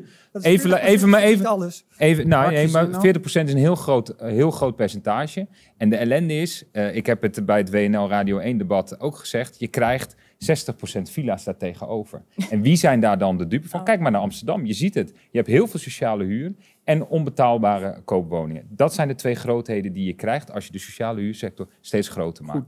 En wie zijn dan de klos? De middeninkomens, de gezinnen. Dus ik zou er wel voor willen pleiten om gedifferentieerd te bouwen. En dus ook niet, eh, om ook in te zetten op eigen woningbezit. Dus ik ga deels met mevrouw Beckerman mee. Ja. Maar je moet wel ook oog hebben voor, eh, voor die middeninkomens. En eigen woningbezit dus ook stimuleren. Maar ik, ik tutoieer. Sandra had een mooi voorbeeld. Eh, heb jij ook een mooi voorbeeld uit het buitenland? Waarvan je zegt van kijk, zo zou je het eigenlijk moeten aanpakken. Daar doen ze het wel op een Nou, ik, wil, ik, ik heb het voorbeeld van Nederland zoals we dat de afgelopen decennia hebben gedaan. Hè? Gewoon het bevorderen, eh, het, ja, het bevorderen van eigen woningbezit. Daar vind ik helemaal niks mis mee. Ik vind ook eh, het stimuleren, dat hebben we hier altijd gedaan. Daar komt bijvoorbeeld ook de hypotheekrenteaftrek vandaan. Eh, dat vind ik een, een mooi voorbeeld. En ik vind het foute voorbeeld Amsterdam. Wat is dit nou jammer? Want we zagen net het CDA die aan het erkennen was dat wonen geen markt hoort te zijn. Dat we juist Zeker. veel meer moeten doen eh, aan trotse volkshuisvesting. Maar dan blijft het nu toch bij woorden. Als we zeggen, het ging de afgelopen jaren heel erg goed. Het ging de afgelopen jaren niet goed. Daarom zitten we nu in die wooncrisis. Ik vind het jammer, wij leggen hier compleet alternatieven op tafel. Het enige wat het CDA doet is een soort doembeeld... dat Nederland Nee, alleen maar vol met villa's komt te staan. Maar is het niet zo, vraag ik eh, aan de heer Terpstra... dat de gemiddelde koopwoning het afgelopen jaar 4 ton kostte. Dat is niet ons beleid, dat is uw beleid geweest. 4 ton, dat is voor die middeninkomens onbetaalbaar. Klopt. En wij komen met een alternatief waarmee we ervoor zorgen dat er voor de lage inkomens, de middeninkomens en natuurlijk ook voor de hoge inkomens een goede en betaalbare woning is. Ja, nou goed, ik zag het ook eventjes een k- klein beetje schuiven, maar toen toch weer niet. Maar ik wil, ik wil de discussie ietsje verbreden eh, met eh, M- Matthijs van, eh, van Neerbos eh, eh, en, eh, en Daniel Koers. Die hadden we al hier eh, aan, eh, aan, eh, aan tafel eh, eh, gezien. En eh, ook nu aanwezig eh, eh, Pieter Gin, Ginwis eh, van eh, de ChristenUnie. Eh Matthijs, toch eerst al eventjes naar jou, want het, het, kwam, eh, het kwam bijna, je wilde bijna direct interveneren eh, toen, toen, toen Julius je iets in de schoenen schoof Ja, waarvan je dacht van nou, dat me een beetje aan het uitdagen. Dus ik, eh, ik moest wel. Ja, ik vind het, dan wordt er zo'n karikatuur gemaakt van dan, eh, dan wil je alles in sociale huur. Dat is gewoon onzin. Wij willen een, eh, 40%. Ja, 40 procent. Ja. Dat is niet alles. En het is Dat ook onzin om te denken dat de rest dan villa's wordt. Als je echt weer investeert en je wilt Nederland het land houden waarbij je gemengde wijken hebt, waar arm en rijk mooi door elkaar leven, dan kan dat, maar dan moet je wel andere keuzes maken. En ik ben dus met eh, mevrouw Beckerman een beetje teleurgesteld dat ik hier dan ineens de hypotheekrenteaftrek weer terug hoor komen van, nou ja, dat is eigenlijk, dat is eigenlijk een goed middel. En we deden het de afgelopen decennia prachtig in Nederland. Daarom sloeg ik er even op aan, want ik, ik denk dat het inderdaad niet goed gaat. Ik denk dat je meer sociale huur nodig hebt. Zeker ook betaalbare huren in de particuliere huur. Want je ziet gezinnen die tot wel de helft van hun inkomen aan huur kwijt zijn. Nou, dat kan natuurlijk niet. Ook daar is de gedachte dat de markt zaligmakend is, eh ridicuul gebleken. Dus daar moet je meer gaan reguleren. En je moet gewoon meer bouwen. Dus als je netto meer bouw subsidieert, dan klopt de rekensom eh, van mijn buurman ook niet. Dan wordt het niet alleen maar files en sociale huur. Dan kun je echt die traditie van Nederland die ik omhoog zou willen houden, is dat je gemengde wijken houdt. Ja, Gemengde wijken? Mijn stelling is dus, als je te veel sociale huur doet, krijg je niet die gemengde, gemengde wijken. Ik ben wel voor meer regie. Ik ben voor het afschaffen van de verhuurdersheffing. Maar ik ben voor gedifferentieerd bouwen. Ook betaalbare koop, middenhuur, eh, voor ouderen, zodat die doorstroming op gang komt. En ik, de- mijn stelling is dat als je eh, echt alleen aan de onderkant gaat bouwen, dat je de, uiteindelijk de betaalbaarheid daarmee niet bevordert. Pieter, ik wil even naar jou toe. Je bent nog niet aan, eh, aan het woord eh, geweest. Ehm, jij, eh, jullie partij legt de nadruk heel sterk op, eh, op de woningcorporaties, eh, eigenlijk als, als deel van de oplossing. Eh, k- kan je dat wat toelichten? Want hier eh, verschillen de meningen sterk over uiteen. Hoe, hoe zie jij dat vanuit de ChristenUnie? Ja, ehm, nou ja, de, de woningcorporaties zijn wat de ChristenUnie betreft de afgelopen jaren, afgelopen tien jaar als een soort van probleem, onderdeel van het probleem behandeld. En voor de ChristenUnie zijn ze onderdeel van de oplossing. En dat betekent voor een groot deel helaas herstel van gemaakte fouten, oftewel het schrappen van de verhuurderheffing, het schrappen van de markttoets, zodat ze ook weer middeldure eh, huurwoningen kunnen gaan bouwen. Het ehm, doortrekken van de huurbescherming naar ook middengroepen, zodat die niet zoals hier in Den Haag bijvoorbeeld alleen maar beschermd worden om te zeggen van oh, wo- woningen met zoveel punten zijn dan be- beschikbaar voor mensen met een middeninkomen, zoals verpleegkundige, politie en, eh, en, eh, en, en, en juffen en meesters. Maar dat ook aan de, aan, de, aan de aanbodkant de verhuurder is verplicht om geen exorbitante huren te, te of verplicht eh, de mogelijkheid heeft om exorbitante huren te vragen. Ehm, de woningcorporatie weer als een soort van wijkeigenaar. Op dit moment, als je in wijken komt met veel corporatiebezit, ik was eh, twee dagen terug nog hier in Moerwijk, veel bezit van Vestia. Niemand daar is eigenaar van die wijk. Niemand is eigenaar van die publieke ruimte. En de wijk kwijnt weg. En dat vind ik verschrikkelijk. Ik vind dat we weer moeten omzien naar de bewoners in die wijk. Dat we eh, de woningcorporatie weer in de positie moeten brengen als, als, als eh, oplossing, als onderdeel van de oplossing. En ook hen de investeringsruimte en ook de juridische ruimte moeten geven om hun oude volkshuisvestelijke taak met oog voor de wijk, met oog voor de leefbaarheid van de wijk, weer op te kunnen pakken. Ja, dus de corporatie als belangrijk onderdeel. Het verschilt iets van eh, hoe, eh, hoe Sandra het invulde met meer regierol voor de gemeente nog daarin. Nou nee, kijk, een co- corporatie maakt gewoon iedere jaar eh, prestatieafspraken en maakt ook langjarige prestatieafspraken. Dus wat mij betreft is het afschaffen van de verhuurderheffing niet een soort van, van vrije gift. Maar staat daar een, een, scherp woonakkoord tegenover met prestatieafspraken die uiteindelijk natuurlijk op gemeentelijk niveau helemaal worden ingevuld en vastgeklikt. Dus eh, nee, het is geen, geen vrijheid, blijheid, maar het is wel weer de, gezamenlijk met woningcorporaties als onderdeel van de oplossing, met gemeenten en met een Rijk die ook ruimte geeft, eh, inzetten op woningbouw, op renovatie, op het oplossen van vocht- en schimmelproblematiek. Ik noemde Moerwijk al, dat is op heel veel plekken in het land dit een probleem. En op verduurzaming en gematigde huurontwikkeling. Dat kan als je ze met het schrappen van die verhuurderheffing, die structureel 2,1 miljard is en in 2025 1,5 miljard, eh, als je die ruimte geeft. Maar het is veel meer dan alleen die corporatie. Het is ook, ik wil een, echt een, strik om het betoog van eh, meneer Primus, namelijk dat we ook toe moeten naar eigendomsneutraal beleid. Eh, dat we eh, stappen moeten zetten, eh, nou ja, bijvoorbeeld als het gaat om de toevloed van geld op die woningmarkt. Want uiteindelijk zuigt geld zich vast in grond en stenen. Dus die grond en stenen bij zo'n lage kapitaalmarktrente zoals nu, die, die spuiten omhoog in waarde. Dus als je beleggers niet de pas afsnijdt in de bestaande koopvoorraad, gaan die woningprijzen omhoog. Beleggers moeten inderdaad hun middelen die ze hebben investeren in nieuwbouw. Dus als je twee verdieners ieder jaar meer leenruimte geeft, komen alleenstaande en alleenverdieners steeds meer op achterstand te staan op die woningmarkt. Dus het is een en-en-en aanpak waarbij je moet kijken naar de toevloeg van geld op die woningmarkt. Dat het vooral gaat naar nieuwbouw. eh, waar, je gaat, waar je gaat kijken naar een fiscaal systeem wat niet meer discrimineert naar hoe je woont en hoe je je geld verdient. eh, en, en hoe je huishouden eruit ziet. En het gaat inderdaad om woningcorporaties weer, eh, weer ja, te behandelen als trotse volkshuisvesters. Met ruimte om hun taak te doen voor huizenbouw, maar ook voor de leefbaarheid van de wijk. Ja, goed. We moeten een klein beetje naar een afronding toe. Ehm, en ik zie dat toch wel grote overeenstemming is dat, dat er vrij fundamentele eh, veranderingen noodzakelijk zijn. Zelfs jullie geeft een aantal dingen aan, maar zegt later toch dat het voorbeeld zoals het was in Nederland eigenlijk ook best wel goed was. Ik ben toch nog wel benieuwd, eh, Daniel, hoe, hoe jij daarnaar kijkt. Ik zag je knikken toen eh, Hugo Primus zijn eh, korte college gaf. Eh, je herkende het. Eh, je was het misschien ook wel eens met zijn analyse. Nou, ik hoorde, ik hoorde veel terug uit de debatten die we hier hebben. Kijk, ik, er vallen hier moeilijke woorden. Eigendomsneutrale woonaanpak. dat komt in de praktijk neer gewoon op een forse lastenverzwaring voor kopers. Daar zijn we tegen. Inkomstenbelasting En omlaag. eh, nee, dat komt dus neer op een forse lastenstijging voor kopers. Dat is wat de ChristenUnie eh, er niet bij vertelt. Die gebruikt moeilijke woorden om, eh, om dat te verhullen. Dat willen wij niet. Hè, de, eh, en en nou, net zo goed voor sociale huurders, want de meeste, de meeste huurders in Nederland zijn sociale huurders. En daar ben ik ook blij om. Dat was VVD, hè, de SP aan een meerderheid hebben geholpen met de motie. Om die huren te bevriezen dit jaar. En want ook daar, die mensen, ook sociale huurders, moeten we dan niet de lasten omhoog gaan jagen. En daar heeft ook gewoon de ChristenUnie tegengesteld. Dus er worden hier mooie woorden gehouden. Maar uiteindelijk eh, hoor ik daar alleen maar doorheen forse lastenverzwaring voor, eh, voor kopers en eh, sociale huurders. Een van de... Ja, meneer Koerhuis die weet in, in twee zinnen twee keer de ChristenUnie aan te, aan te vallen. Ten eerste, als je de hypotheekrente aftrekt, bijvoorbeeld geleidelijk afschaft, dan verlaag je natuurlijk met dat geld ook de, de inkomstenbelasting. En eh, kopers hebben over het algemeen een hoger inkomen en profiteren dus meer van een eh, verlaging van de inkomstenbelasting. Dat is één. En twee, u weet precies hoe het zit met die motie van mevrouw Bekkerman, die ik vanuit haar perspectief heel goed begrijp.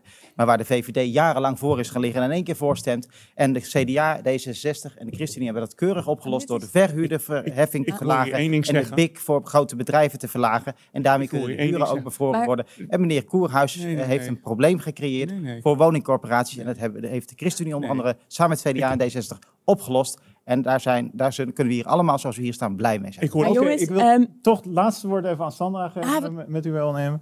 Heren, eh, ik vind het wel zonde. eh, want nu eindigt het in een soort politiek gehakketak. Ja. Terwijl eh, een van de dingen was natuurlijk... kunnen we in dit debat alvast nadenken over een coalitie? Als we nou eventjes eh, met deze vier eh, verder gaan... eh, vond ik het wel heel interessant, ook wat de heer Grimwis zei... over zo'n wijk als Moerwijk. Want ik ben daar geweest en het is echt gruwelijk. Weet u dat eh 28% van de huurwoningen in Nederland heeft nu schimmelproblemen? Mensen die letterlijk ziek worden van hun eigen huis. En wel torenhoge huur betalen. Ja, Als je het niet. hebt over Vestia, betalen huurders in Den Haag 25% meer bij Vestia dan bij andere corporaties. En dan zit je in een ziekmakende woning. En ik zou wel willen kijken, dat zou een mooi einde zijn denk ik, van dit rondje. Zullen we daar dan ook als Rijksoverheid geld in stoppen? Want het is echt onacceptabel dat huurders daar zo eh, bij zitten. En dan zijn we, zouden we toch met z'n vieren al heel ver eh, kunnen komen. Investeren in de bestaande voorraad lijkt me, lijkt me niet onbelangrijk. Eh, ook gezien die andere grote opgaven die we eigenlijk nog maar mondjesmaat aan het woord eh, krijgen. Eh, ik, ik moet nu eh, afronden. Ehm, en eh, Renate, ik, eh, ik ben benieuwd wat, eh, wat de chat zo al bezig houdt. De stelling is ook volgens mij inmiddels al ruimschoots eh, ehm, eh, eh, online gegooid. En ook daarbij is natuurlijk iedereen het weer helemaal eens. Ja. Of weer met dezelfde verhouding. Dat doet mij vermoeden dat ook daarbij degenen die oneens hebben gestemd... dat misschien wel per ongeluk hebben gedaan. Renate, ehm, wat zegt de chat? De chat geeft een aantal onderwerpen terug die veel terugkomen. Dat is de vraag naar waarom geen premie A en C woningen of A, B, C, D woningen. Ehm, er zijn ook veel complimenten en vragen voor Hugo Primus overigens. Dus Hugo, dankjewel. Ehm suggesties en vragen over bouwen voor senioren, zodat juist die doorstroming op de markt ook ontstaat. Hè? Meerdere doelgroepen worden bediend, wordt vaak genoemd. Eh, de vraag naar levensloopbestendige woningen. Nou, dat houdt natuurlijk verband met de vorige opmerking. En ook een suggestie over het bouwen van hofjes in vrijkomende boerderijen van eh, de agrarische bedrijven die eh, vrijkomen. Ehm, en een, paar opmerkingen over de betaalbaarheid van wonen. Of dat ook een probleem is wat aan de inkomenskant zit. Eh, direct daarachteraan kwam een opmerking: AOW'ers kunnen helemaal niet wonen in middenhuur. Dat is niet te betalen. En Noelle Sanders die stelde als laatste: betaalbare koopwoningen zijn hartstikke belangrijk. Nu zie je bij nieuwbouw alleen sociale huur of middenhuur, maar geen betaalbare sociale koopwoningen. Hoe zit het daarmee? Mag ik niet zeggen, blijkbaar. Ja, het is wel zo. Maar is wel zo.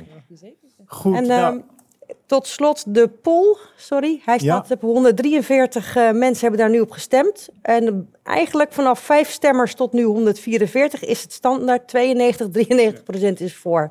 Dus die kunnen we inpakken. Ja, dus fundamentele aanpassingen noodzakelijk. Nou goed, daar, eh, daar kunnen jullie mee aan de slag. Eh, ehm, dank jullie wel voor nu, voor deze ronde. We gaan door naar de laatste ronde. Eh, we moeten ook een beetje vaart maken. Dat gaat over de, precies dat, hè? vaart maken. Hoe, doen we, hoe krijgen we meer vaart in de, in de uitvoering? Ehm, en om ons te helpen bij die vraag... eh, wederom een, uh, een eminente gast, Hans Leeflang. Dag Hans, um, um, goed dat je erbij bent. Um, als ik, uh, als, ik aan jou zie, als ik jou zie of als ik aan jou denk, moet ik altijd denken aan die foto van jou uh, nog heel erg jong uh, met, met Jenno Witsen en, en Ed Nijpels bij de presentatie van de vierde nota. Um, dat was 1988 volgens mij, lang geleden. en toch gaan we het hebben over versnelling. Dat is altijd de, het ingewikkelde als het gaat over die ruimtelijke vraagstukken. Hoe dan ook, kost het veel tijd. Uh, we hebben een stelling uh, en die luidt als volgt. Uh, er is een integrale en gebiedsgerichte uitvoeringsstrategie nodig, gericht op het behalen van concrete resultaten, waarvoor ook de financiering is gewaarborgd. Aan jou het woord, Hans, om, om dat misschien nog wat, wat verder toe te lichten. En dan gaan we hier weer van, van plaatsen wisselen. Dank, dankjewel, Paul. Mijn eerste baas bij de Rijksplanologische Dienst was E.O. Weijers. Die zei mij altijd, als je haast hebt, moet je langzamer gaan lopen. En volgens mij is dat met uh, versnellen en, en heel snel nu resultaten boeken, want we moeten bouwen, bouwen, bouwen. Als je in die moed blijft zitten, los je het niet op. Dus ik vind het wel mooi van de stelling die nu voor ligt, waar volgens mij ook iedereen het mee eens moet zijn. Maar die vraagt wel om, doe het dan wel integraal en gebiedsgericht. En, uh, en denk na over je uitvoeringsstrategie. En daar moet je echt tijd voor nemen. Daar moet je echt even rust voor nemen, want integraal is gauw gezegd. Maar dit debat vanmiddag merk je ook. Uh, ik begreep dat iemand zei van. Het is logisch dat de woningbouw zo centraal staat, want dat is het meest urgente. Nou ja, daar kan je het wel even over hebben als je kijkt naar de grote opgave van dit land. Dus uh, zonder samenhangende benadering lossen we, is mijn stelling, de grote pijndossiers waar we de afgelopen vier jaar hebben geprobeerd iets aan te doen. Stikstof. Net voor de corona werd dit nog uitgeroepen tot de grootste uh, problematiek waar Nederland ooit mee te maken heeft gehad, in deze kabinetsperiode.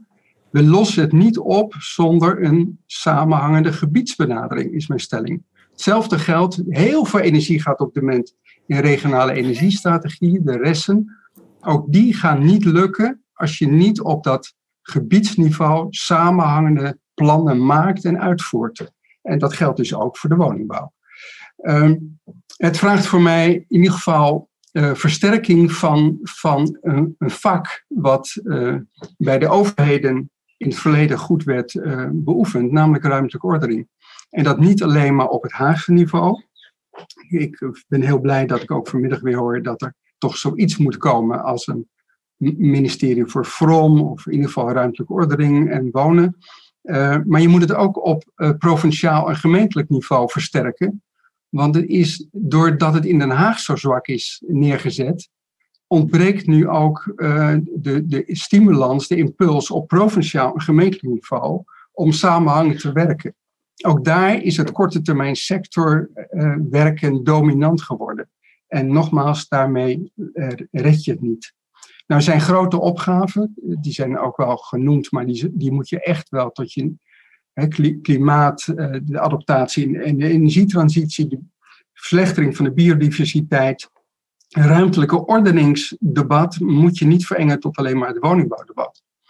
En het andere wat, wat met al die, debat, met die grote opgaven te maken heeft, is dat je steeds weer komt bij het eh, zoals Koverdaas zei, die ruimte die in dit land gegeven is. En het aantal mensen wat op dit moment pleit om weilanden of voor dit of voor dat te benutten, die moeten zich realiseren dat het dus ook alleen maar gaat als je echt een perspectief voor de boeren van Nederland kan gaan bieden. Dus die transitie van de landbouw is misschien wel strategisch gezien een van de allergrootste opgaven voor het komende kabinet.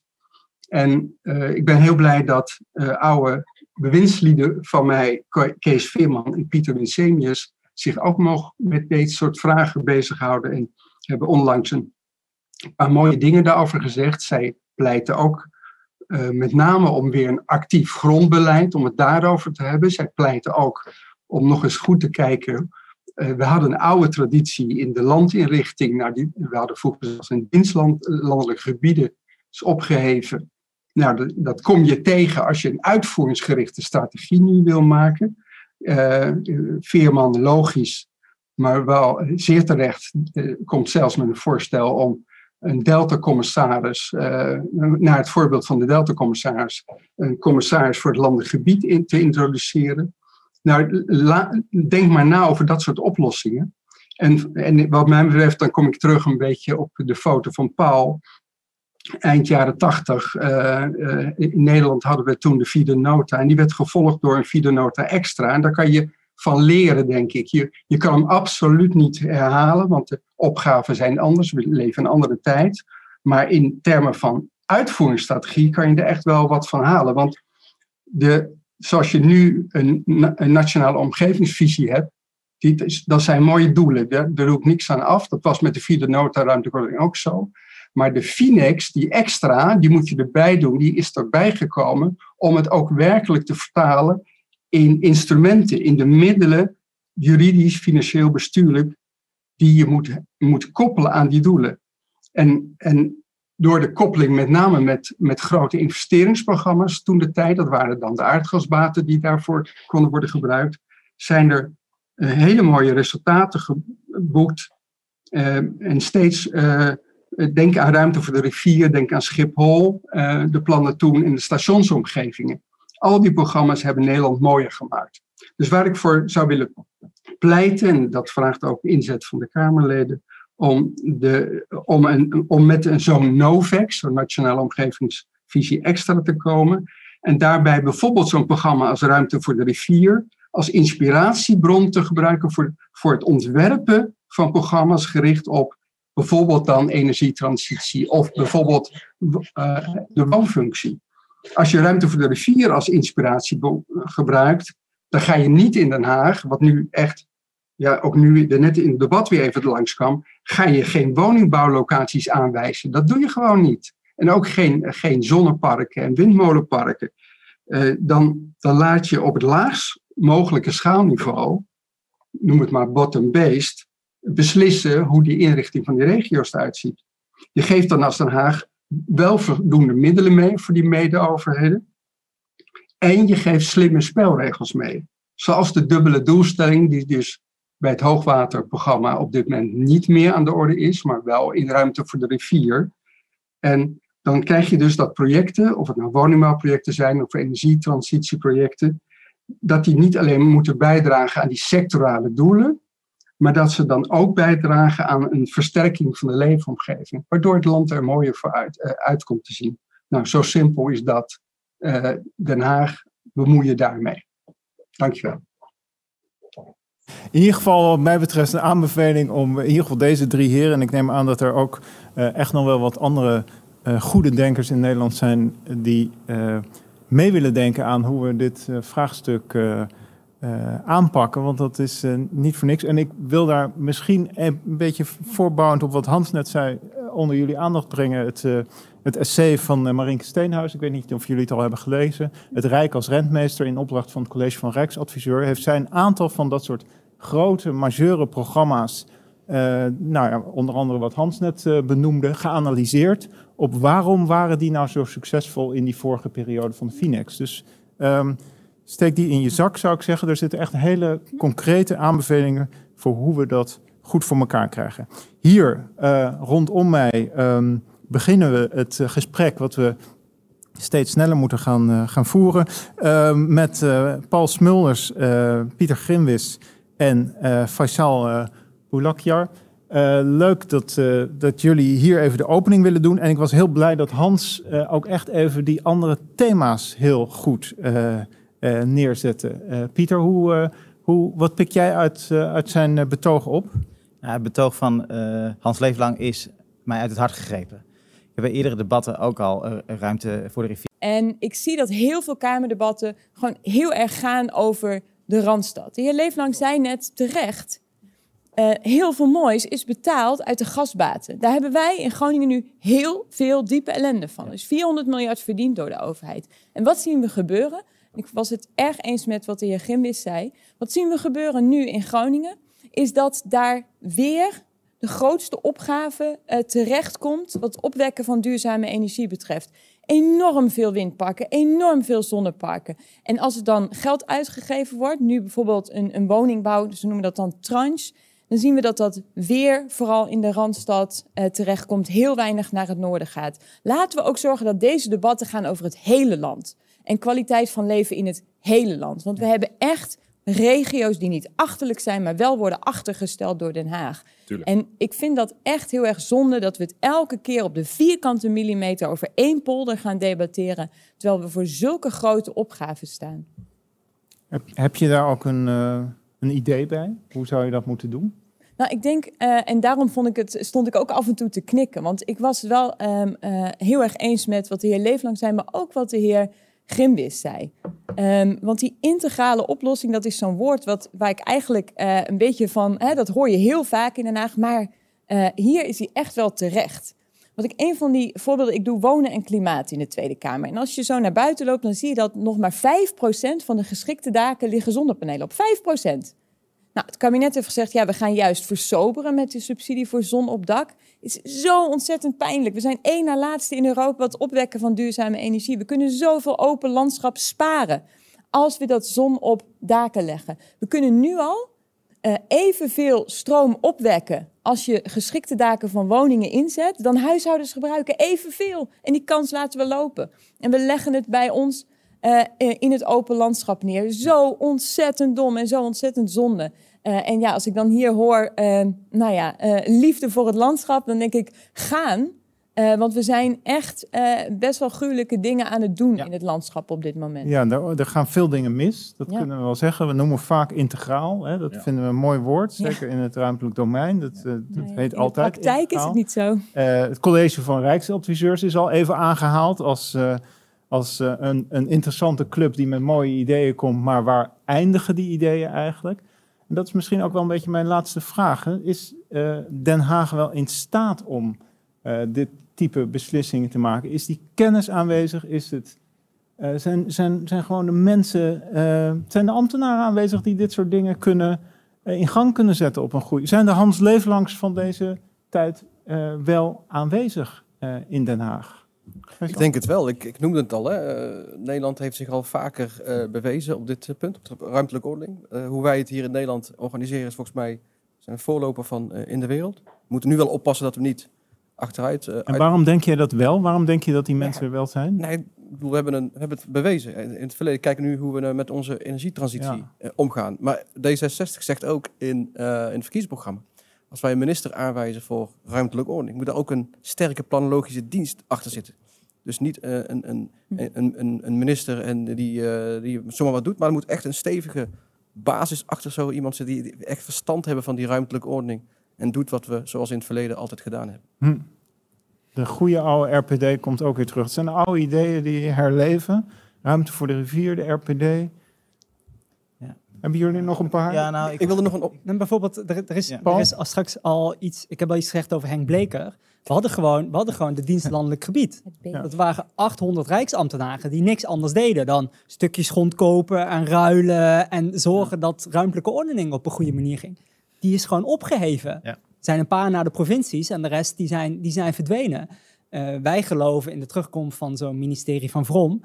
Als ik heel eerlijk ben, ik denk dat dat in het begin, dus vooral in het gebouw van uh, BZK, dezelfde mensen willen zijn met hopelijk wat meer budget en er kunnen extra mensen worden aangenomen. Maar dat het echt een paar jaar duurt, wat die al die afgelopen jaren is afgebroken, voordat je dat weer opgebouwd hebt. Maar ik denk echt dat Nederland behoefte heeft aan veel meer ruimtelijk beleid. Vroeger zag je echt het verschil, en gelukkig nog steeds, als je de grens overrijdt naar België, kom uit Brabant, kom er best vaak, uh, dan denk je, oh ja, ruimtelijke ordening is eigenlijk wel handig om dat te hebben als je daar de lintbebouwing en uh, is, ik vind het de volbebouwde kust ziet. Ja. Um, maar als we niet uitkijken, dan gaan wij diezelfde kant op. Kijk naar al die blokkendozen die overal langs de snelwegen gebouwd zijn. Volgens mij is niemand er blij mee, maar het is wel gebeurd. Dus we moeten echt gaan voorkomen ja. dat die trend doorzet. Maar ik, heb, ik, ik, ik, ik, voel wel de twijfel in de vraag en die is wel terecht. Want je, je, je herstel, je restaureert niet zomaar iets wat kapot is gemaakt. En inderdaad, uh, Hans Leeflang en heel veel collega's zijn inmiddels met welverdiend pensioen. Dus uh, dat is echt wel een enorme opgave. Tegelijkertijd denk ik wel dat we, als we, als we bijvoorbeeld de komende jaren. Als je kijkt naar de landbouw, daar hebben we nu nog niet zo over gehad. Maar twee derde van ons land is in beheer en in bezit van, van, van boeren op dit moment. En die zorgen over het algemeen gelukkig goed voor het landschap. Tegelijkertijd zijn er grote risico's en staan we aan de vooravond van een enorme transitie. De helft van de 55-plussers in, in de boerenstand hebben geen, die, die heeft geen opvolger. Als we de machten van de markt eh, zijn vrije loop laten hebben, dan worden die gronden duur opgekocht, of door projectontwikkelaars of door andere kapitaalintensieve bedrijven die die grond uh, duur kunnen opkopen. Daar moeten we dus bijvoorbeeld, of het nou een nationale of provinciale grondbanken zijn, maar daar moeten we een mechanisme instellen. Wij stellen in ons verkiezingsprogramma voor een grondbank, die die gronden van stoppende boeren opkoopt, deels uh, gunstig verpacht of, verkoopt aan uh, boeren, jonge boeren die door willen op een grondgebonden manier. Deels dat inzetten voor, voor woningbouw en uh, voor, voor andere zaken die nodig zijn en voor natuurherstel. Daar moet je een grondbank tussen zetten, want anders zijn die gronden binnen de kortste keren verpatst voor, uh, aan de hoogste bieder. En wordt ons landschap nog lelijker. Terwijl de helft van de 55-plussers, het gaat echt om heel veel boerenbedrijven, heel veel grond, die de komende tien jaar op de markt komt. Dus alsjeblieft, begin dan met je regie daar op die gronden die vrijkomen. Ja, en nu dat, nu dat kan, goed dat je dat nog even aanhaalt. Die uh, landbouwtransitie is een enorme kwestie. Ja. Ook daar hebben we waarschijnlijk eerder meer ruimte dan minder ruimte nodig. Willen we dat op een zorgvuldige manier doen? Um, hè, dat is niet, uh, niet niks. Instrumenten noem je en kennis die eigenlijk heel moeilijk uh, aanwezig is in Den Haag. En wat ja. je dus de, de komende periode behoorlijk zal moeten opbouwen. We hebben ze nog wel, hè? goede uitvoeringsdiensten, Rijkswaterstaat, uh, waterschappen met enorm veel kennis en, en uitvoeringskracht. Dus we hebben ze gelukkig nog wel. En ik denk dat je moet beginnen ook dat, bij die bestaande uitvoeringsdiensten, om die bij wijze van spreken, ja, misschien moet je niet een planologische nieuwe dienst uit de grond stampen, maar misschien moet je Rijkswaterstaat die taak van, voor, van zorg voor de fysieke leefomgeving daar organiseren, omdat daar de kennis en de kracht en de power al is. Dus uh, ja, gezien de tijd uh, die we hebben en de zorg voor de urgentie van de ruimtelijke vraagstukken, moet je misschien wel daar beginnen wat je, wat je op dit moment in handen hebt. Ja, goed. Maar Dank hey. jullie wel. Um, laatste woord misschien nog even aan, aan jullie. Zet jij hier ook je handtekening onder?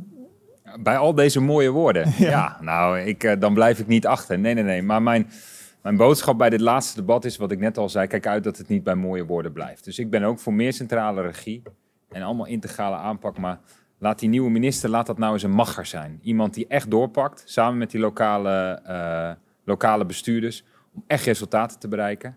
Uh, want anders dan uh, ben ik wel bang dat, het, dat er niet veel van de grond komt. Ja. Goed, dank jullie wel. Um, Sandra Bekkerman, Daniel Koerhuis, Julius Terpstra, Paul Smulders, Matthijs van Neerbos, Pieter Grimwis en uh, Faisal Bolakka. dank allemaal. Um, ik wil nog een laatste keer uh, uh, wil ik terug naar Renate. Um, deze stelling, uh, daar heeft iedereen het knopje gevonden volgens mij. Want 1%, 1% is het oneens, maar verder is iedereen het hiermee eens. Dus dat levert, levert niet hele spannende resultaten op. Maar de chat, werd daar nog iets in genoemd? Ja, dit was eigenlijk van de drie stellingen de, de stelling waar de chat het hardste ging. Um, en ook de meeste meningen verdeeld waren thema wat veel naar voren komt is de verstedelijkingsopgave. Hoeveel uh, bouwen we binnen de stad en uh, hoeveel last gaat dat uiteindelijk ook opleveren qua druk op de bewoning? Uh, suggesties inderdaad over de landbouw. de omvorming van landbouw waarin boeren die opgekocht kunnen worden voor herbestemming van grond voor grote stallen. wat de ChristenUnie net ook aankaarten. er worden suggesties gedaan over kansen juist in de regio en dus niet in de stad. Er wordt op regie ook gevraagd in hoeverre zijn de bestuurlijke grenzen van provincies onhandig? Uh, kan daarin ook uh, het Rijk een nieuwe rol uh, bevorderen? en interessant, Julius zei het net ook, minder woorden, maar vooral daden. Hè, dat wordt hier ook een aantal keer geroepen. De vraag om minder te polderen. En ook de vraag om af en toe gewoon knopen te hakken, ook als dat op een aantal punten pijn doet, wordt gewoon ge gezegd. En een van de laatste opmerkingen was, uh, volgens mij staat hier een potentiële coalitie op ruimte en wonen, één partij uitgezonderd. Ik ben natuurlijk uh, correct, dat ga ik niet benoemen, maar er wordt hier een hele mooie coalitie gezien met de complimenten voor uh, ambitieuze jonge politici, met twee uitroeptekens. Fijn, dankjewel. Alsjeblieft. Uh, heel mooi. Uh, misschien toch nog heel eventjes terug naar, naar jullie, nu, nu het nog net eventjes kan. De provincies. Uh, zijn er mensen die daar sterke meningen hebben? Als, al, hè? Dus dat is ook een oude discussie natuurlijk. Hè? Gaan we die weer terugkrijgen? Nou, ik, ik, ik zie, Julius? ik constateer dat provincies Eh, ik was het overigens eens met het betoog van eh, mevrouw Beckerman dat we meer na moeten denken over spreiding. Maar ik zie als het gaat om woningbouw dat de provincie eerder eh, een hindermacht is dan eh, eh, de woningbouw bevordert, bijvoorbeeld. Dus ook daarin denk ik, ja, dan mogen de Rijk zeker wel eens eh, knopen doorhakken. Goed. En locaties aanwijzen. Maar je, je gaat nog niet zo ver dat eh, je als CDA zegt van eh, eh, hef die provincies maar op. Nee, nee, nee, want de provincie doet meer dan alleen woningbouw. Ah, Oké. Het zou interessant zijn dat de Ja, CDA nu ja, gaat zeggen dat ze Brabant of Limburg gaan terecht. Ik opheffen. dacht het ook eventjes te horen, daarom Ik kom ik op terug, Pieter. Die provincie heeft op dit moment ook best wel weinig doorzettingsmacht. Hè? Als eh, gemeente eh, talmen met woningbouw of als gemeente hun snor drukken als het gaat bijvoorbeeld om het bouwen van sociale huurwoningen en daarmee dus de rekening als het ware bij de buren leggen die dan maar de, de- de- waar, waar de sociale huurwoningen maar moeten worden gebouwd, dan heeft de provincie alleen maar de mogelijkheid om een kopje koffie te gaan drinken bij, die, bij die wethouder van die gemeente of, of die gemeenteraad dus, eh, toe te spreken, maar nooit de mogelijkheid om eens door te drukken. En ik denk dat de provincie in die zin ook wel iets meer juridische mogelijkheden moet hebben om ook zaken af te kunnen dwingen. Ja, dus die hebben wel iets gedecentraliseerd gekregen, maar verder Ja, vrij weinig ja, om daarmee te doen. Faisal, jij kijkt daar heel anders tegenaan. Ja, meneer, wat meneer Terpstra, hè, we- we- D66 is voor een eh, krachtig middenbestuur, zoals, zoals het mooi, he- mooi heet. Als ik kijk naar de provincie eh, Noord-Brabant. eh, ik ben de gemeenteraad zit in Breda. En we hadden een hele mooie locatie binnenstedelijk. Kostte heel veel geld. Kon Breda niet zelf alleen opkopen. We hebben samen met de provincie Noord-Brabant allebei 12,5 miljoen neergelegd om daar uiteindelijk duizenden betaalbare woningen te maken. Je ziet daar dus wel een wissel, eh, wisselwerking met lokaal en provinciaal. provinciaal. Dus het kan wel. Niet alle provincies, meneer eh, Terpstra, zijn... eh, Ja. Ik geloof dat het een, CDA-gedeputeerde is die u daar geholpen heeft. Ja. Dus dat, is, Ja. dat is helemaal top. Het kan wel in Brabant. Goed, dit is, dit is overigens volgens mij nog een onderwerp waar we nog heel erg lang over door kunnen gaan. Die tijd hebben we helaas niet meer. Ik, ik, ehm, ik wil eigenlijk nog eh, één iemand aan het woord laten. En dat is, eh, had ik aan het begin al aangekondigd, eh, Hamid Karakous. Toch even terug naar jou. Ehm, wat, wat, wat, heeft jou op, wat is jou opgevallen? Is dit het debat wat je voor ogen had? Nou, zeker, mooi debat. Allereerst veel dank aan de politieke vertegenwoordigers die hier met elkaar in debat zijn gegaan.